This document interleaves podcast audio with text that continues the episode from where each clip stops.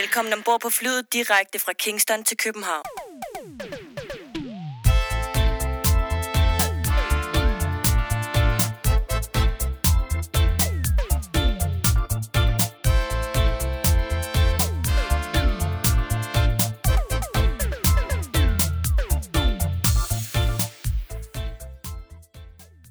Du har tunet dig ind på podcasten Fra Kingston til København. Historien om reggae i Danmark. Podcasten, der går bag de personer, der er eller har været en del af dansk reggae-historie fra 1970'erne og frem til i dag. Vores mission er at give ord til mennesker, som har gode historier at fortælle, og på den måde give et bredt historisk billede af reggaeens udvikling i Danmark. I denne podcast taler vi med musikere, producer, DJ's, selectors og journalister, som har været eller er en del af dansk reggae-historie. Vi er Jørgen Husum og Lars Rofnik Larsen. Velkommen til.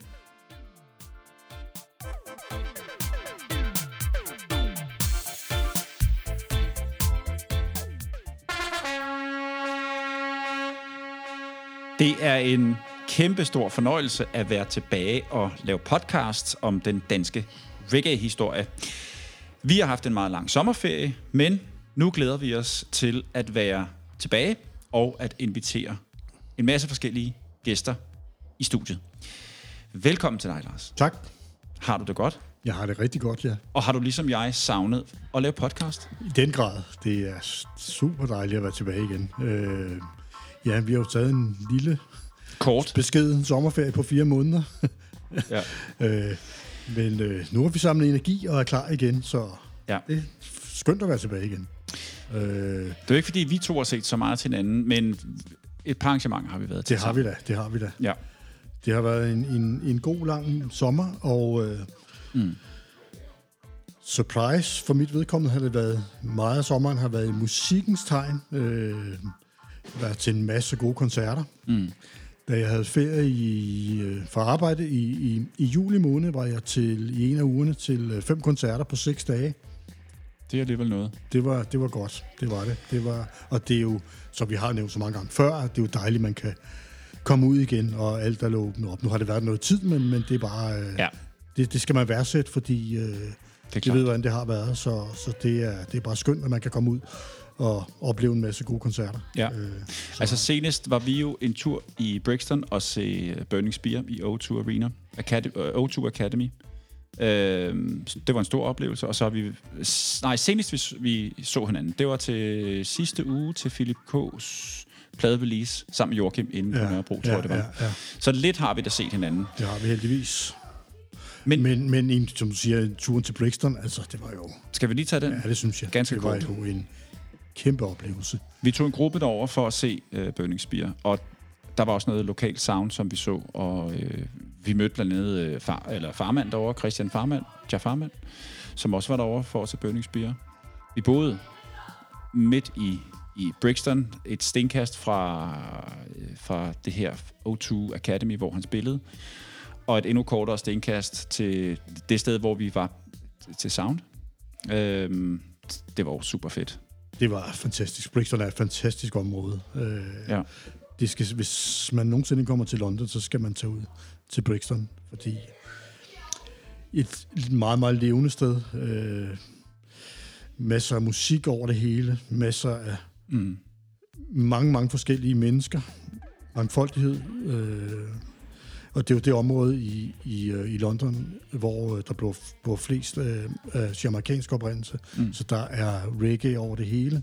Farverne over det hele. Mm. Øh, Vi var af liv og glade dage. blandt andet på Brixton Market, hvor at vi var inde i Lion, Lion Vibes øh, pladeforretning Det var og, og lave noget. Vi prøvede faktisk at få et interview med ejeren, men øh, hun var der ikke på det tidspunkt, hvor vi havde mulighed for at, Nej. at snakke med Nej, hende.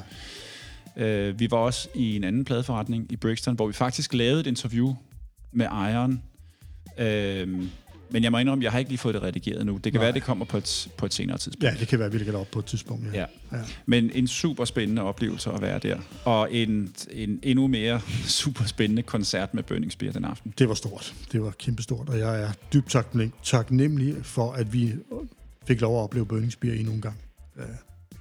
Han er Og jo vi- 77 år, så som vi også har nævnt tidligere, da vi talte om, vi skulle over, at det er formentlig sidste gang, man får lov at se ham. Mm. Selvom han var af en 77-årig øh, rigtig, rigtig frisk og mm.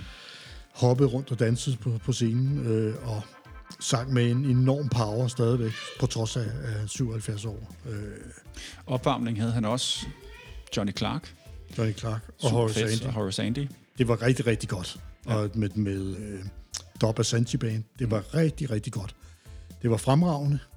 Så kom Burning Spear. Var det, ikke, var det ikke med nogle af de musikere fra Russides? Jo, men, men det, det, de kalder sig stadigvæk for Dob Asante, ja. så nogle af, af de dem, der var med i Double Santi, er stadigvæk med, og så Præcis. er der nogen, som også var med i, i Raw Sides. Ja. Og det var, som sagt, fremragende. Men så kom Burning Spear på, og øh, som vi også har regnet med, så løfte niveauet sig. Mm. Så hvad, hvad, er, hvad, er, hvad er niveauet over fremragende? Det ved jeg ikke, om der er et ord for det, men, men det var det. Altså, det, var, det skiftede i hvert fald lige gear. Det skiftede gear. Jeg synes, øh, øh det, altså, stedet er mega, mega fedt. Stort, der kunne være 5-6.000 mennesker, tror jeg det var. Men det var varmt. Altså, det, det var, var den der varme periode, varmt. ikke? Ja, det var og, jo, hvad var det, 2-33 grader i London, da vi var der, ikke? Ja. Og, og da vi kommer ind øh, og bliver sluset ind først i den her forhal, hvor der er merchandise, øh, butik og så videre, og så kommer vi ind i selve hallen. Og der er jo ikke helt fuldt på det tidspunkt, da Johnny Clark og Horace Andy spiller, så der, kan vi, der er lidt luft omkring os, og det er fedt at, at stå og se på. Men efterhånden, som vi nærmer os, at Burning Spear går på, der kommer flere og flere mennesker ind, og der, der bliver eddermame med pakket på et tidspunkt. Altså, jeg, jeg kan simpelthen ikke være derinde. Det er varmt og ulideligt at være der. Så går jeg ud øh, og står lige i den her forhal ind til selve øh, koncerthallen. Og, og, og der står sådan nogle dørmænd øh, i de to indgange, der er fra forhallen og for at komme ind til koncertstedet. Og de kan slet ikke styre alle de mennesker, der er for. Altså, de lukker alt for mange mennesker ind. Prøver at lukke af, men folk, de vælter bare ind. Og jeg tænker, ja, okay, altså, jeg kommer jo aldrig ind igen. Også fordi du havde min billet. Ja, jeg havde det på Og man skulle vise billet for at komme ja. ind. Jeg havde jo kun, vi havde jo kun, øh, vi havde ikke ja, billetter ud, så jeg havde det kun digitalt Præcis. på min telefon. Ja. ja. Øh, så der var jeg lidt stok der. Men så finder jeg, øh, jo, så tænker jeg, okay, nu er jeg kommet hele vejen herover, og så kan jeg stå herude for døren og, og høre bønningsbier. Altså. Men så finder jeg faktisk et andet sted, hvor man kan gå ind, sådan helt bagerst, hvor der er god plads, luft, der er en bar, der er toilet, og så der ser jeg faktisk resten af koncerten. Ja, ja. Heldigvis. Så jeg står ikke sammen med jer. Der var også, det men, var jo nærmest som, som at stå i en sauna. Der var, det var helt vildt. Der var godt nok varmt derinde. Ja. Og du havde sagt for inden, bare roligt, der er condition. Ja. Ja, den virkede i hvert fald ikke den aften. Det, det gjorde den ikke. Det gjorde den ikke. Nå, anyway. I dag der har vi uh, som sædvanligt en uh, gæst, som vi glæder os til at snakke med. Men vi skal også forbi Lars Larsen anbefaler. Vi skal forbi nyt fra reggae-verden, og så skal vi selvfølgelig quizze med et twist. Det kommer vi tilbage til. Allerførst, Lars, uh, har du købt noget nyt musik? Det har jeg. Igen, surprise. Mm-hmm. Øh, selvfølgelig kunne jeg jo ikke lade være med at gå i pladebutikker, der nu var i London, så øh, der købte jeg en masse fede ting. Jeg var blandt andet i øh, Sounds of the Universe, som ligger noget, der hedder Berwick Street inde i Soho, hvor der jo ligger to andre pladebutikker i, i samme gade, som jeg også var inde og kigge i selvfølgelig. Øh, der fik jeg købt nogle, nogle gode CD'er. Øh, Sounds of the Universe er jo dem, der står bag øh, pladeselskabet Soul Jazz Records, som udgiver de der øh, Studio One compilations. Og der er lige kommet to øh, helt nye af dem, og dem købte jeg der i butikken. Den ene hedder Studio One Music Lab, og den anden hedder Studio One Women Volume 2. Øh, begge to øh, som sædvanlige øh, øh, øh, gode opsamlinger fra, fra Soul Jazz Records. De, øh, ja, de formår at lægge øh, øh, numre på, som både nogle af de lidt kendte numre, og så finder de nogle sjældne numre, som nogle af dem måske har, der har aldrig været udgivet før, men øh, for at få dem lagt på de her CD'er, så, så der er noget at komme efter for, for os nørder, som, mm. som har lyttet mus- til musikken i, ja. i over 40 år. Vi kan stadigvæk finde nye ting på, på de her compilations her. Så, ja. så, så der købte jeg to af dem. Så købte jeg en, øh, en som har været ude nogle år, også fra Soul Jazz Records, som hedder Hustle Reggae Disco. Jeg tror, den er fra 2014. Jeg har kigget på den nogle gange. Og det er forskellige disco-numre, øh, fra sådan, øh, slut 70'erne, som man lavede i, i reggae-versioner. Og der er, øh, øh, The Beat Goes On, der er Ring My Bell, som er et meget, meget kendt disco-nummer fra, fra den periode der, og der er et Michael Jackson-nummer på, og i, i reggae-versioner. Også sus, øh, virkelig godt album. Ja. Og så øh, købte jeg to af de der, øh, som jeg også har været inde på før, Dr. Bird, som lavede de der opsamlinger med, øh, øh, med, med, musik fra, fra 60'erne og 70'erne, øh, og øh, som igen, som vi har snakket om mange gange, gør rigtig meget ud af, af, af det, der kaldes for sleep notes, eller et lille booklet, der ligger i, øh, i, i CD'en, når du kører den, hvor der står alle mulige, alle mulige små anekdoter, og hvem der spiller, og alle mulige billeder af musikerne, og alle mulige forklaringer til de forskellige sange. Og der købte jeg blandt andet en, der hedder United Dreadlocks Volume 1 og Volume 2, som er Joe Gibbs produktioner. Øh, det skal så tages, tages lidt med en grænsalt, med grænsalt fordi øh, det der, man, man, man siger, de der, som er producer dengang, øh, både Coxon Dodd, øh, Joe Reed, Joe Gibbs, så reelt var de jo ikke som sådan det, man kalder, øh, som man forstår ved en producer, der går ind og, og, øh, og øh, fortæller musikerne, hvordan de skal gøre, og hvis de gør sådan og sådan, hvis de lige lægger en guitar på der, eller spiller de akkorder der, det er jo ikke på den måde, de producer. De producer på den måde, at det var dem, der havde pengene, og dem, der havde studiet og, og betalt for studietiden, og så gav de øh, sangerne og musikerne en løn for et spil. Så de var ikke som sådan, de var ikke musikalske vidne på den måde, som, som en, en producer normalt er. Men øh, Joe Gibbs står som, som producer på, på rigtig mange af de ting, der er fra 70'erne, og en af, af de anekdoter, der er i det der booklet, den der United Dreadlocks, den, den øh, fortæller en historie om, at øh, Joe Gibbs og hans engineer, på dansk hedder det en studietekniker, Errol Thompson, som, som, som sørger for, uh, for den der lidt specielle Joe Gibbs-lyd, der var i den periode der. De er ude at køre en dag i, i Kingston med en, en anden producer, der hedder Ossie Hibbert, og øh, de kører rundt i den bil, og så synes ham der Ossie Hibbert, han synes sgu, det er sgu en meget fed bil, I kører i her. Øh, hvis nu, at jeg giver jer to masterbånd, jeg har lige indspillet to LP'er, øh, hvis jeg giver jer dem, øh, må jeg så få bilen, siger han så. Og det tænker han lidt over, Joe Gibbs. Jamen det er sgu i orden, siger han, det er en deal. Så de får to masterbånd. Øh, det ene er et album, der hedder United Dreadlocks, øh, med alle mulige øh, af de hotte kunstnere, blandt andet Greg Isaacs og Dennis Brown, Junior Delgado er på, og nogle af Shorty the President, nogle af de hotte toaster lige fra den periode der, og et dobbeltalbum. Så han får simpelthen de der masterbånd, og får ret til at udgive det, og så får han bilen. Og øh, så, så når, når det der udkommer, det der United Dreadlocks album, så står der produceret og arrangeret af Joe Gibbs. Så, så det er meget sjovt, at det, og det er sikkert, der er sikkert flere øh, af den slags historier, hvor det foregået på den måde der. Ja, helt sikkert. Ja, ja. Så, har du mere, så, som øh, du har købt? Jeg, ja, så, jeg se, så vil jeg i, øh, i Lion Vibe, som vi snakker om før, i Brixton Village, som også er et sted, man absolut skal besøge, hvis, hvis man er i Brixton. Der stod du inde meget længe, Lars. Der var inde i Lion Vibe ja. meget længe, ja. ja. øh, men ja, sådan er det jo. Sådan er det jo. En butik der. Øh, men fedt sted, Brixton Village. Ja. Det er sådan et, et indendørs marked, som jo har masser af, af hvad hedder sådan noget, patina og, og sjæl, og, og på en eller anden måde, de har ligget der siden slut 50'erne, start 60'erne, det der sted. Ja, det er jo, det er jo et der er jo mange but- forskellige butikker derinde. Altså, reggae-butikken Lion Vibes, det er jo en af dem, men der er jo restauranter, der er grønhandlere, der er alt muligt. Ja, og- Barer. Og, øh, og markedet, hvor de står og sælger kød og fisk. Og, Præcis. Ja, ja. Og det er jo bare sådan en eksplosion af øh, lyde, dufte, øh, alt muligt på en gang. Altså, man, hovedet kører jo frem Ja, og tilbage, ja, som ja, på ja, Cool ja, fordi ja. man vil gerne have det hele med. Ja, ja, ja. Øh, en fantastisk energi, ja, der ja, er derinde. Ja, det er der. Og så der endte vi selvfølgelig ved at, øh, ved at, eller der endte vi med at være meget. Lige udenfor var der en aften sound, hvor, eller sound og sound, men der var nogle DJ's, der stod og spillede, mens folk de øh, sad og spiste udendørs i sådan noget street food, øh, fra sådan nogle øh, street food restauranter. Men det udviklede sig til, til nærmest sådan et, et, en, en soundaften. Folk stod og dansede, og det, det, var, det var sindssygt fedt. Ja, Øhm, øh, og som sagt, der var en del i Lion Vibes der, da vi var Ja. øh, i Brixton Village, og der købte jeg også nogle ting. Ja. Der købte jeg nogle singler. Øhm, Line Vibes har jo den her ting med hver et, er det, er det første torsdag i måneden. at første torsdag i måneden har de noget, der hedder Selectors. Ja, hvor man kan komme, og så kan du spille nogle plader, og så er der, er der fyldt af mennesker inde i den her lille butik. Jeg tror ikke, den er mere end...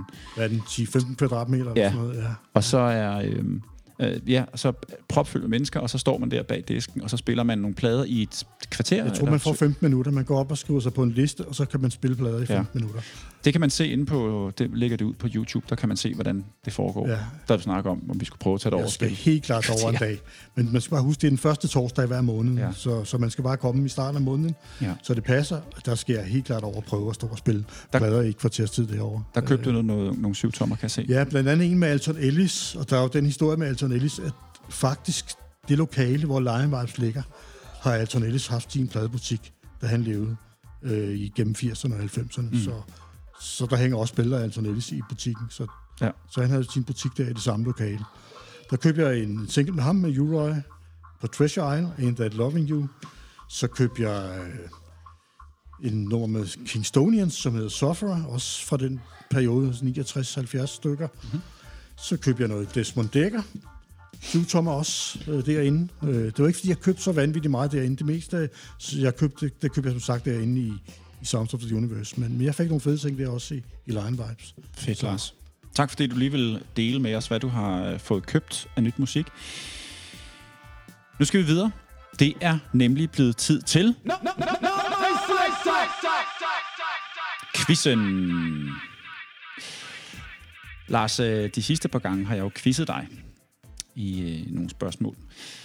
Jeg tænker, vi udvider den en lille bit smule ved, at øh, du også quizzer mig, så vi stiller hinanden et spørgsmål hver. Og så fører vi et pointsystem, og, og så på den måde, så kan vi øh, ja, se, hvem der øh, får flest point, og det ved jeg ikke, året om, eller whatever. Har du forberedt, forberedt et spørgsmål til mig? Det har jeg. Øv. Jeg har også forberedt et spørgsmål til dig. Øhm, skal jeg lægge ud, eller vil du lægge ud? Hvad har du lyst til? Du har serveretten. Du lægger ud. Jeg lægger ud. Okay. Mit spørgsmål, det kommer her. Lee Paris Black Ark Studio fungerede fra 1973 til 1979, hvor han øh, efter sine brændte det ned på grund af, hvad han selv sagde, unclean spirits og andre, øh, og andre årsager. Men Paris øh, helt særlig lyd og metode blev kendt verden over, og mange, både reggae-bands og sanger, har været forbi Black Ark og indspillet. Der har også været mange, kan man kalde det, ikke reggae og indspillet der. Mit spørgsmål er til dig. Du skal nævne tre grupper, skrådstreg sangere, som har indspillet der i reggae-genren, samt en ikke-reggae-gruppe, som har indspillet Black Ark. Er spørgsmålet forstået? Tre reggae-navne og et ikke-reggae-navn, som yes. har indspillet Black Ark. Ja. Ja. ja. Og øh, telefonen har du ikke, det er godt, så du kan ikke google. uh, spørgsmålet forstået? Det er helt klart forstået. Godt. Yes. Og det giver, hvis du svarer på det, så giver det et point. Ja. Ikke? Jo. Godt. Jamen, øh, det var mit spørgsmål til dig. Ja. Så er det... Så har jeg et spørgsmål. Det er jo meget kort. Hvor mange gange har Bob Marley spillet i Danmark? Okay. Modtaget. Godt. Øhm, så lad os gå videre til, øh, til reggae-verden, og desværre så skal vi tale om, øh, om dødsfald, fordi øh, to meget prominente sanger, musikere øh, døde for kort tid siden. Det er Drummy Sepp fra Aswad, ham der hedder Angus Drummy Sepp Gay, døde 2. september, og øh, før, kort før det, 27. august, der øh, mistede verden også Skelly, øh, sanger fra Israel Vibration. Og Lars, det er jo to prominente navne, som, øh, som er gået bort her. Det er to store navne, ja. Øh, endnu en gang må vi øh, øh, ja, være ked af, at, øh, at, at, at, at nogle af de store er gået bort igen. Øh, mm. Cecil Skelly Spence fra Israel Vibration var en af sangerne i Israel Vibration. Det var jo sådan, Israel Vibration, øh, de skiftes jo til at synge for på, på, på deres nummer, og så sang de andre to harmonier. Cecil øh, Spence har vel nok lavet deres øh, mest kendte nummer, Same Song. Det er ham, der har skrevet det og synger for det her. Så et stort, stort tab for, for reggae-verdenen. Og formentlig desværre nok inde på, på Israel Vibration, der, der kun er en tilbage af de oprindelige nu. De tre, som jo mødtes på et hjem for polioramte, da de var små, Ja. øh, og blev så opdaget og dannet Israel Vibration Ja, derfra. ja. Drummy Sepp fra Aswad, øh, øh, UK-band, som mange selvfølgelig kender.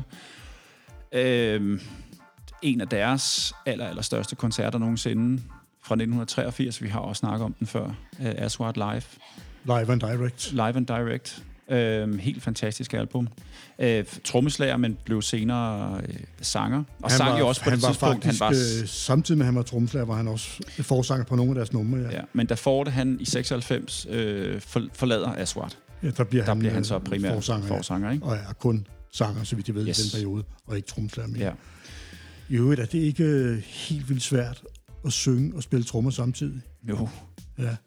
Jeg, Det- jeg, øh, jeg har prøvet, prøvet mig lidt af, eller jeg har gjort det en del år, men jeg, det fungerer bare ikke. Altså, Nej, nej. altså dels så, så har jeg ikke en stærk nok vokal til at kunne sidde og spille trommer. Altså jeg- jeg føler sådan, hele kroppen sidder og hopper, mens man spiller Ja, ja, trommer, ja, ja, og så ja. skal man samtidig synge. Det kræver Det et fungerer enormt slet ikke for mig i hvert fald. jeg også. Øh, Ja, der er nogen, der er super gode til det, og som, som mestrer det der. ja, ja, det gjorde han i hvert fald. Ja. Det er det bare. man, jeg synes, man med fordel kan høre fra på det, det album, der hedder Live and Direct, det nummer, han synger, som hedder... Der er Your Recipe Jo, øh, og hvad hedder det andet? Roots Rocking. Ah, Your Recipe, synes jeg, er et fantastisk nummer, han synger Ja, der. ja, ja. Man kan slet ikke høre, at han sidder og spiller trommer samtidig. det, er, det er imponerende. Ja. ja. Det. Så også et, et kæmpe tab. Ja. Ja. Med det, så øh, skal vi faktisk videre til et andet kendt segment, Lars. Det er dig igen, der er i fokus der. Det er nemlig Lars Larsen anbefaler. Og den her gang anbefaler jeg to albums, en CD og en LP. Og de her to albums er efter min mening årets reggae udgive, i, årets reggae udgivelse 2022. Øh, det bliver ikke bedre end det her. Den ene er engelsk, nogen der hedder Soul Revivers, som både er et soundsystem og et radioprogram og et band. Øh, en fyr, der hedder Nick Manasseh, der står, der står bag det. Han er, har været en del af den engelske reggae-scene i, siden 1985, hvor han har haft sound systems. Han laver radioprogrammer, han er DJ, som sagt, og også musiker. Øh, albummet her består af, af både instrumentalnummer, og, og øh, så er der... Øh, så er der en 4, 5, 6 numre, hvor, hvor der er vokal på, og øh, det er super, super øh, behagelig roots reggae, laid back, jazzet. Øh, faktisk er der øh, på to af numrene en, en jazzmusiker fra et band, der hedder Kokoroko, som spiller sådan noget afro-jazz, også fra, fra Londons jazzscene, øh, som spiller trompet. Miss Morris hedder hun. Øh, så der er to af de numre. Og så er der to, en, øh, to numre med øh, den, øh, kan vi godt sige, ældre herre, Ernest Rankin, guitarist, som er 90 år gammel, men stadigvæk er, øh, er aktiv og, og stadigvæk godt kan finde ud af at, at, at sætte fingrene på hegnet, havde jeg sagt. Øh, så, øh, så virkelig, virkelig god udgivelse. Øh, Soul Revivers, On the Grove hedder albummet. On the Grove er en hensynelse til, en, en hensynelse til det område, de kommer fra. Ladbroke Grove i London, som er det i vestlige London, øh, omkring øh, Notting Hill, hvor der også er det årlige Notting Hill Karneval, hvor der også bor rigtig mange af, af jamaikansk oprindelse i det område der. Så øh, en, en kæmpe anbefaling. Soul Revivers on the Grove. Den anden, jeg vil anbefale, er øh, det seneste album fra Horace Andy, der hedder Midnight Rocker. Og øh, måske tæt på at være det bedste album, Horace Andy nogensinde har lavet, vil jeg mene. Øh, det eneste, der kommer tæt på, altså, efter min mening, er det, der hedder Dancehall Style, fra, fra, som han lavede på Wackheads en gang i 80'erne. fedt cover. Et virkelig flot cover, ja. Og øh, han synger næsten bedre end nogensinde i en alder af 71 år. Øh, øh, jamen, det er bare kvalitet hele vejen igennem. Det er produceret af Andy Servold på, fra On You Sound, øh, lidt sådan en eksperimenterende producer. Øh, og han arbejder så sammen med, med en masse af hans yndlings øh, øh, engelske reggae-musikere, som, øh, som han godt øh, kan lide at arbejde sammen med. Blandt andet den, øh, øh George Oban, som er den allerførste bassist i Aswad, da de kom frem i, i slut 70'erne, er med, så spiller bas på det her, det her album. Øh, fremragende album. Øh, så en varm anbefaling også herfra. Og jeg har været inde og tjekke, man kan finde begge dele på, på Spotify og på, på Tidal. Godt. Det er øh, din anbefaling øh, den her gang. Øh, vi skal snart, igen, øh, snart i gang med at øh, tale med vores gæst og introducere ham. Men inden vi når så langt, så skal vi have vores quiz afsluttet her, Lars.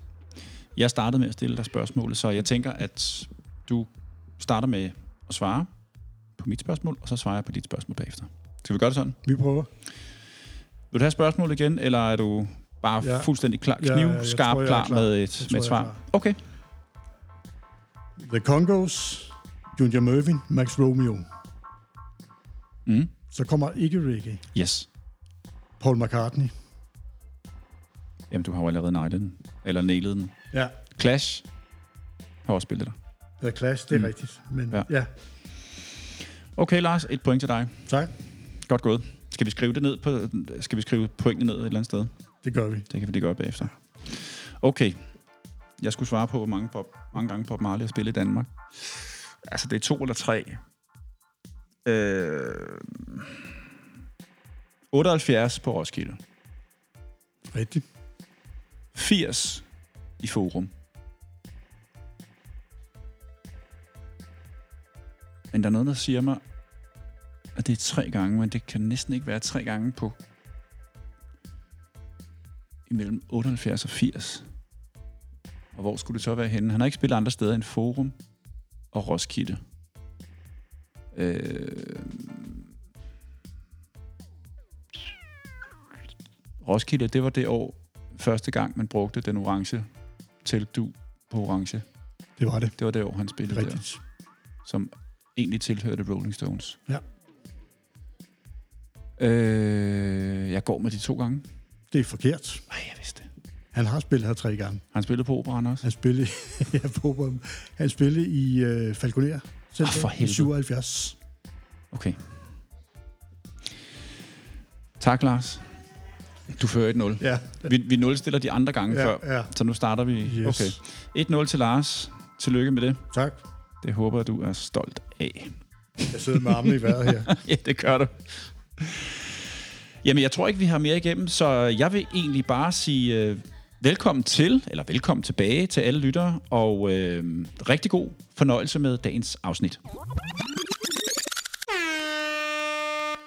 Dagens gæst mødte, mødte jeg første gang i et kælderøvelokale på Frederiksberg, en gang tilbage i start 90'erne.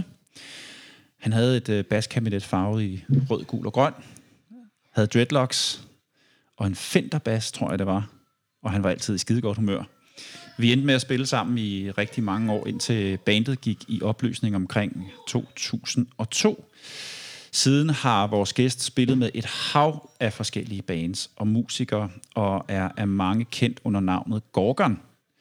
Mange ved dog ikke, at vores gæst også var en fremragende målmand i vores fodboldklub FC Whalers. Rigtig hjertelig velkommen til, Jakob. Tak skal du have. Kan du huske Whalers? Jamen altså, jeg kan sagtens huske Whalers. Jeg sagde jo, vi skal vi bliver nødt til at snakke om Whalers i dag jo. Ja, det altså, bliver vi nødt til. Fordi at øh, reggae har været meget mere end musik. Ikke meget. Men Det er der, rigtigt. Der er sprunget nogle andre- ting ud af... Ja. Yes.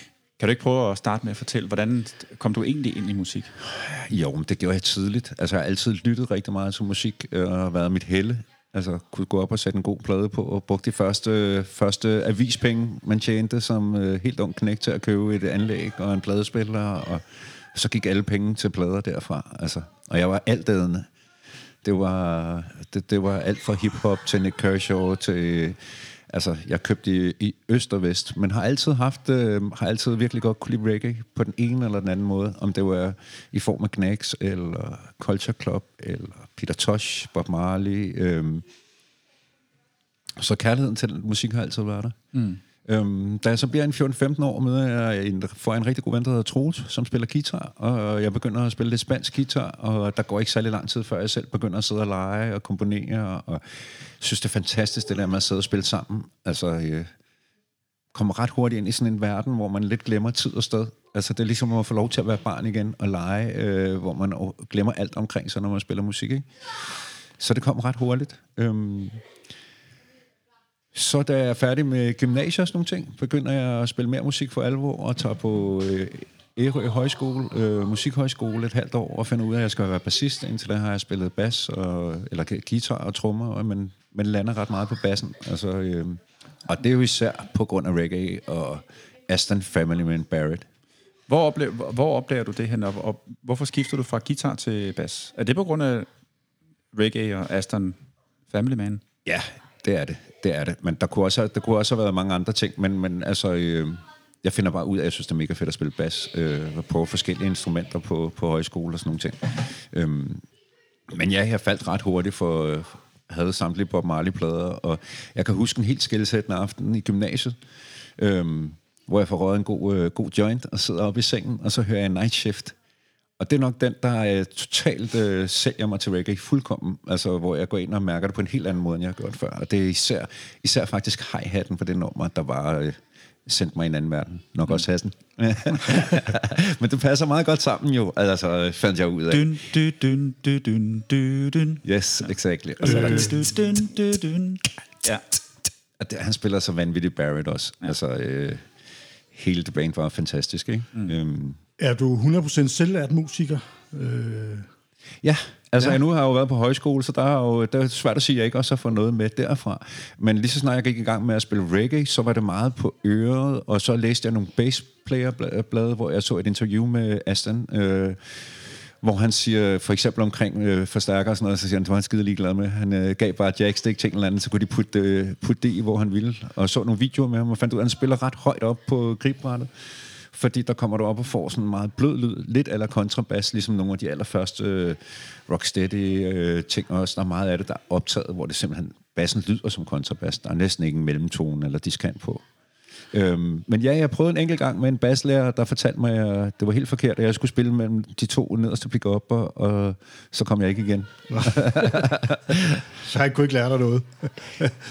Nej, ja. Ja, ja, altså, og jeg kan godt, øh, når jeg er blevet ældre, jeg fortryder ikke, hvad jeg har fået min egen stil og min egen lyd, men, men øh, der var der 100% noget mesterlærer, man kunne have fået ud af ja. at, at, at lytte til, hvad en, øh, hvad en dygtig ja. fyr havde at sige, men det kunne jeg ikke, da jeg var ung. Nej. Og øh, der, da du starter med at spille, du er nu 14-15 år, siger du, Ja.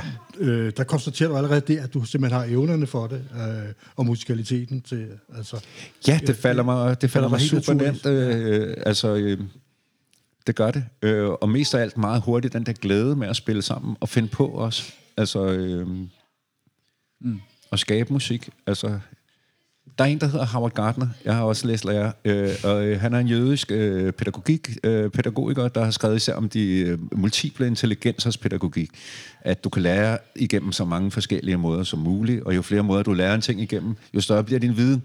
Men han bliver spurgt, om han er religiøs, øh, fordi han er jøde, så siger jeg, nej, det er han ikke rigtigt.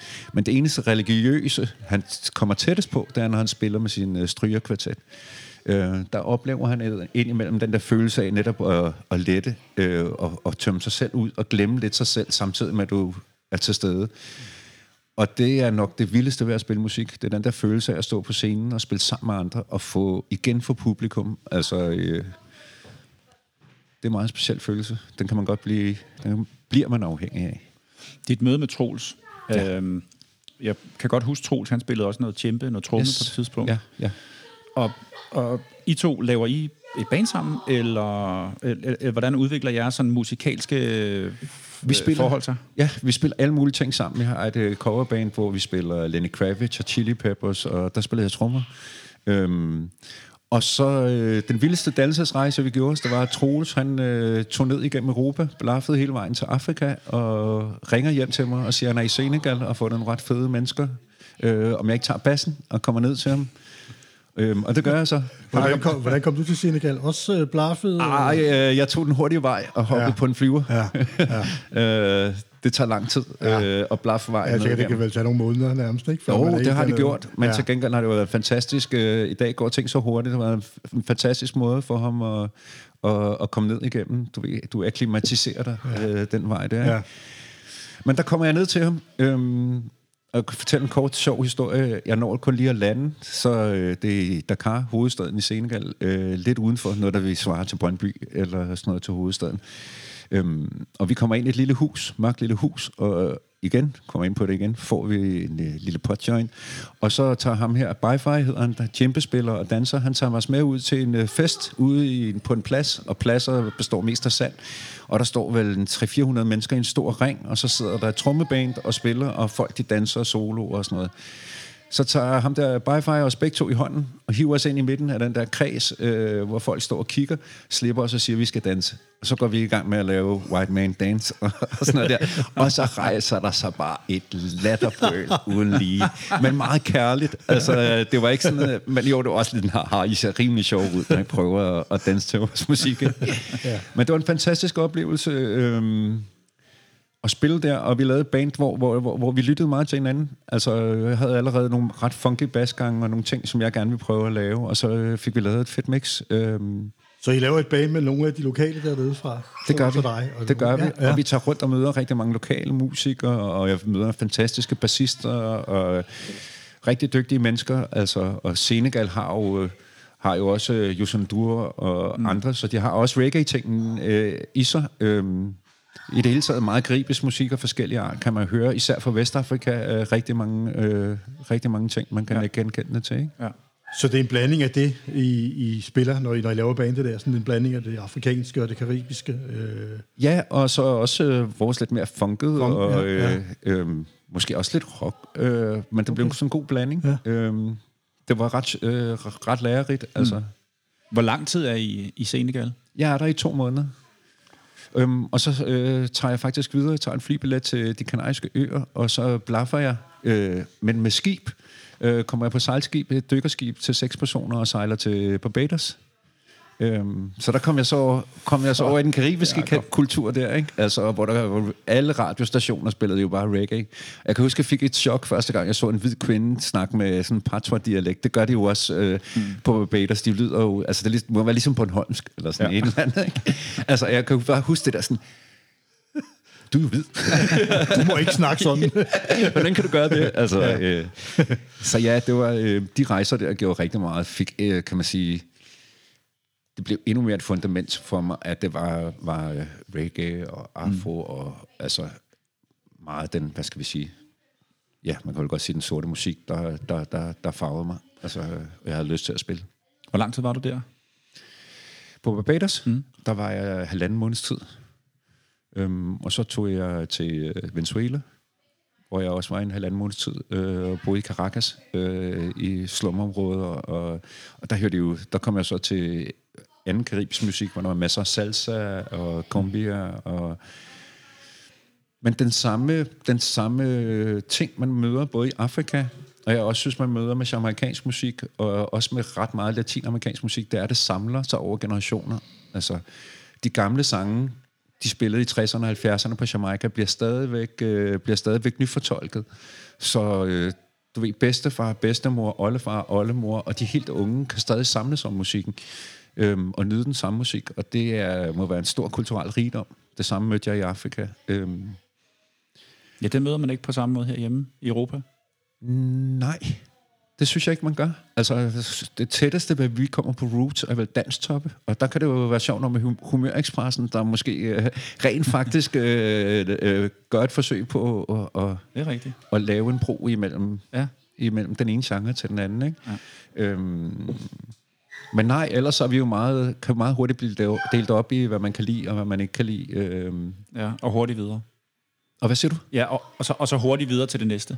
Ja, ja, altså. præcis. Altså, øh, så, så nej, det, og det nød jeg også rigtig meget, da jeg kom ind i reggae-miljøet. Mm. Men nu foreslår jeg, og det er jo lidt jeres rolle måske, men jeg foreslår faktisk, det at kunne være lidt et oplæg til øh, det første nummer, vi skal høre. Det kan, men, men det gør vi ja. lige om lidt, men jeg skal ja. lige høre øh, enden på den der rejse der. Ja, selvfølgelig. Fordi nu er du i Karibien, Barbados. Ja. ja. Tager du så hjem derefter? Så tager jeg hjem fra Venezuela. Okay. Øh, Nå ja, du tager ja. til Venezuela efter Barbados. Klart. Og øh, der møder jeg som min kone, ja. Maria. Øhm, og jeg øh, får købt mig en bas. Mm. En øh, Fender Jazz Bass, øh, som jeg stadig har. Øh, en fantastisk lækker bas, øh, som er blevet slidt kun af mig. Altså, ja. Og som ligner en rigtig gammel bas nu. Og det er den jo også. Jeg er også ved at være en gammel fyr, så det er ikke så underligt jo. Øh, og igennem Maria, der møder jeg Alawi, mm-hmm. inde ved Storkespringvandet. mm, og han siger, at han øh, kender nogen, der mangler en bassist. Og det var så jeg. Og jeg må ret på dig, for første gang jeg møder dig, er, jeg har ikke dreadlocks endnu. Nå. Og det rød gul grønne baskabinet var faktisk øh, Jakob Krost. Øh, men jeg havde helt det samme baskabinet købt i Baselab. Det var dem, der lavede den inde på Borums Allé. Men jeg havde det et mørkeblåt. Øh, Mørkeblåt. Det er noget Ja, plus. præcis. Og så tog vi Jakobs med at sætte ovenpå, fordi det så jo rimelig reggae fedt ud. Okay. Så der kommer jeg hjem til dig, og øh, vi aftaler, at I skal komme hjem. Der er Tormod, kommer ud til der, hvor jeg bor, og får lige at høre, om øh, jeg kan finde ud af at spille bas. Som om vi skulle kunne finde ud af det. Altså, I havde helt klart eller en audition det. kørende, ikke? Ja. Og det tænker jeg også været en fed ting at gøre, men, men det var også noget, man skal gøre, fordi at, Ja. at det er en musikgenre, hvis man godt kan lide den, så vil du, øh, vil du gerne have nogen, der også kan lide det. Jo. Mm. Altså øh, for, for eksempel at skulle guitar chokke et helt nummer igennem, skal du elske, før du ikke øh, vil synes, det bliver trivielt. Mm. Så du skal synes, det er en fed stil. Øhm, og det samme med bassen. Altså, har det sådan en god ba- øh, reggae bassgang, den skal, den skal du ikke lave for meget om på, og du skal spille den fra start til slut, som den er. Mm. Så kan du tage lidt ind og lidt ud, og stoppe med at spille og sådan nogle ting. Men du skal holde af den for at spille den så længe. Præcis. Og der kan jeg da huske, du fortalte, at I nogle gange havde nogen, der, der, synes, der skulle lige laves lidt små jazz feels og sådan Ja, noget der. Øh, så det forstod jeg godt, I gjorde. Ja. Og vi fandt jo hurtigt ud af, at det var et godt match. Og så havde vi jo sindssygt mange gode, øh, gode år sammen der. Var Jimmy med fra starten? Havde du ham med? Han kom først Nej, senere. Jimmy kom senere. Men du kendte Jimmy? Jeg og, kendte og Jimmy. fik ham ind, ikke? Jo. Okay. Da Thomas Bøje Jesper røg, Boy. Jesper Bøje, sådan, Ja. øh, røg ud, så fik vi Tormod over på keyboard, og så ja. manglede vi en øh, guitar, og så fik vi Jimmy på. Det er korrekt. Ja, Vi skal måske lige nævne, at det band, vi taler om her, det er Ministry of Harmony. ja Jo. det er en god idé. Ja. ja, alligevel. Det bliver meget internt. Okay, ja. Super. Jamen, ja. ved du hvad, Jacob? Så øh, lad os høre dit første nummer. Ja, det første nummer er Starkey Banton, øhm, og i den her sang synger han netop om det der, hvordan øh, reggae-musik kan samle, øh, samle generationer. Og så har han en anden pointe, i, jeg mener det er i tredje vers, hvor han synger, øh, Music is not, not a white thing, neither no black thing. Mm. Øhm, og jeg har da prøvet det der med at støtte på, øh, at en sort fyr kom hen til mig på operan, lidt sur, og sige til mig, why you steal black man music? Øhm, og hvor jeg får lyst til at fortælle, at jeg har hørt den musik, siden jeg var ung, og jeg elsker den musik, og jeg spiller musik, og den musik, jeg allerbedst kunne tænke mig, ville være den. Mm. Øhm, og så er det jo rart at høre nogen, der synger om det samme. Ja. Og så er det en sindssygt fed baseline. Det her er Starkey Banton med nummeret, der hedder Dance to the Reggae. Yeah, yeah. Reggae music got a hold on me. From me I I'm in need. Ask me, mommy, and you can ask me, daddy. Yo, this is Starkey B. Uh-huh. Well, from me I day in need. As a little baby, Starkey Bantan a skank to the reggae. What about me, mom and daddy, granddad and granny? While the whole of them a dance to the reggae. Even me little baby, who not even reach three, all I do the new dance to the reggae. Follow way uptown, downtown, out of town, all around. Everybody love the vibes from reggae. Me sing say my grandmother just reached 86. You'd never believe how the whole woman fit. Granny in the kitchen cook the national dish. And radio pump out some reggae music. Grandfather come in the station, them want switch so. In the side them want hear some Elvis. Granny rush out of the kitchen,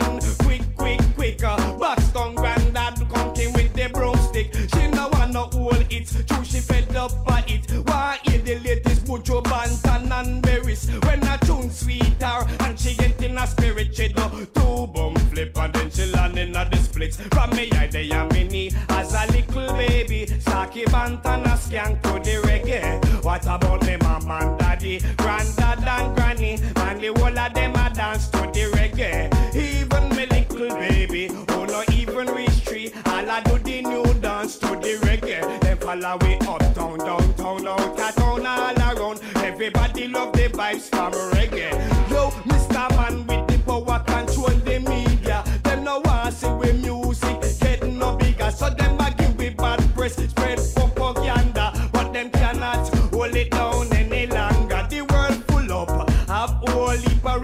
Reggae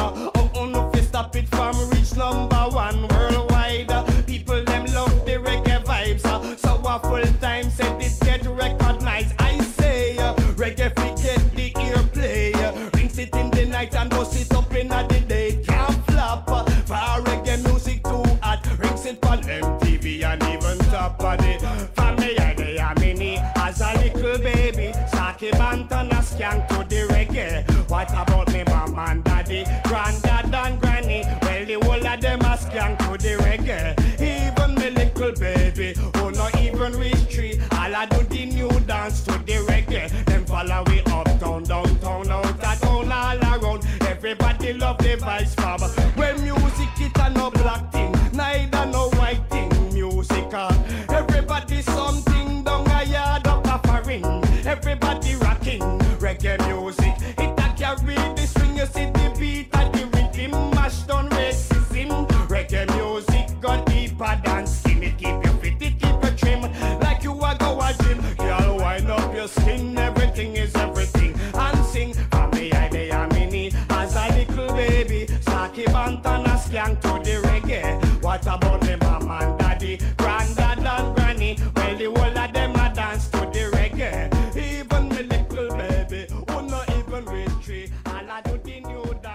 Der skulle ikke høres Elvis i det hjem der, så, så fik man med spanskrøret. Det gjorde man godt nok.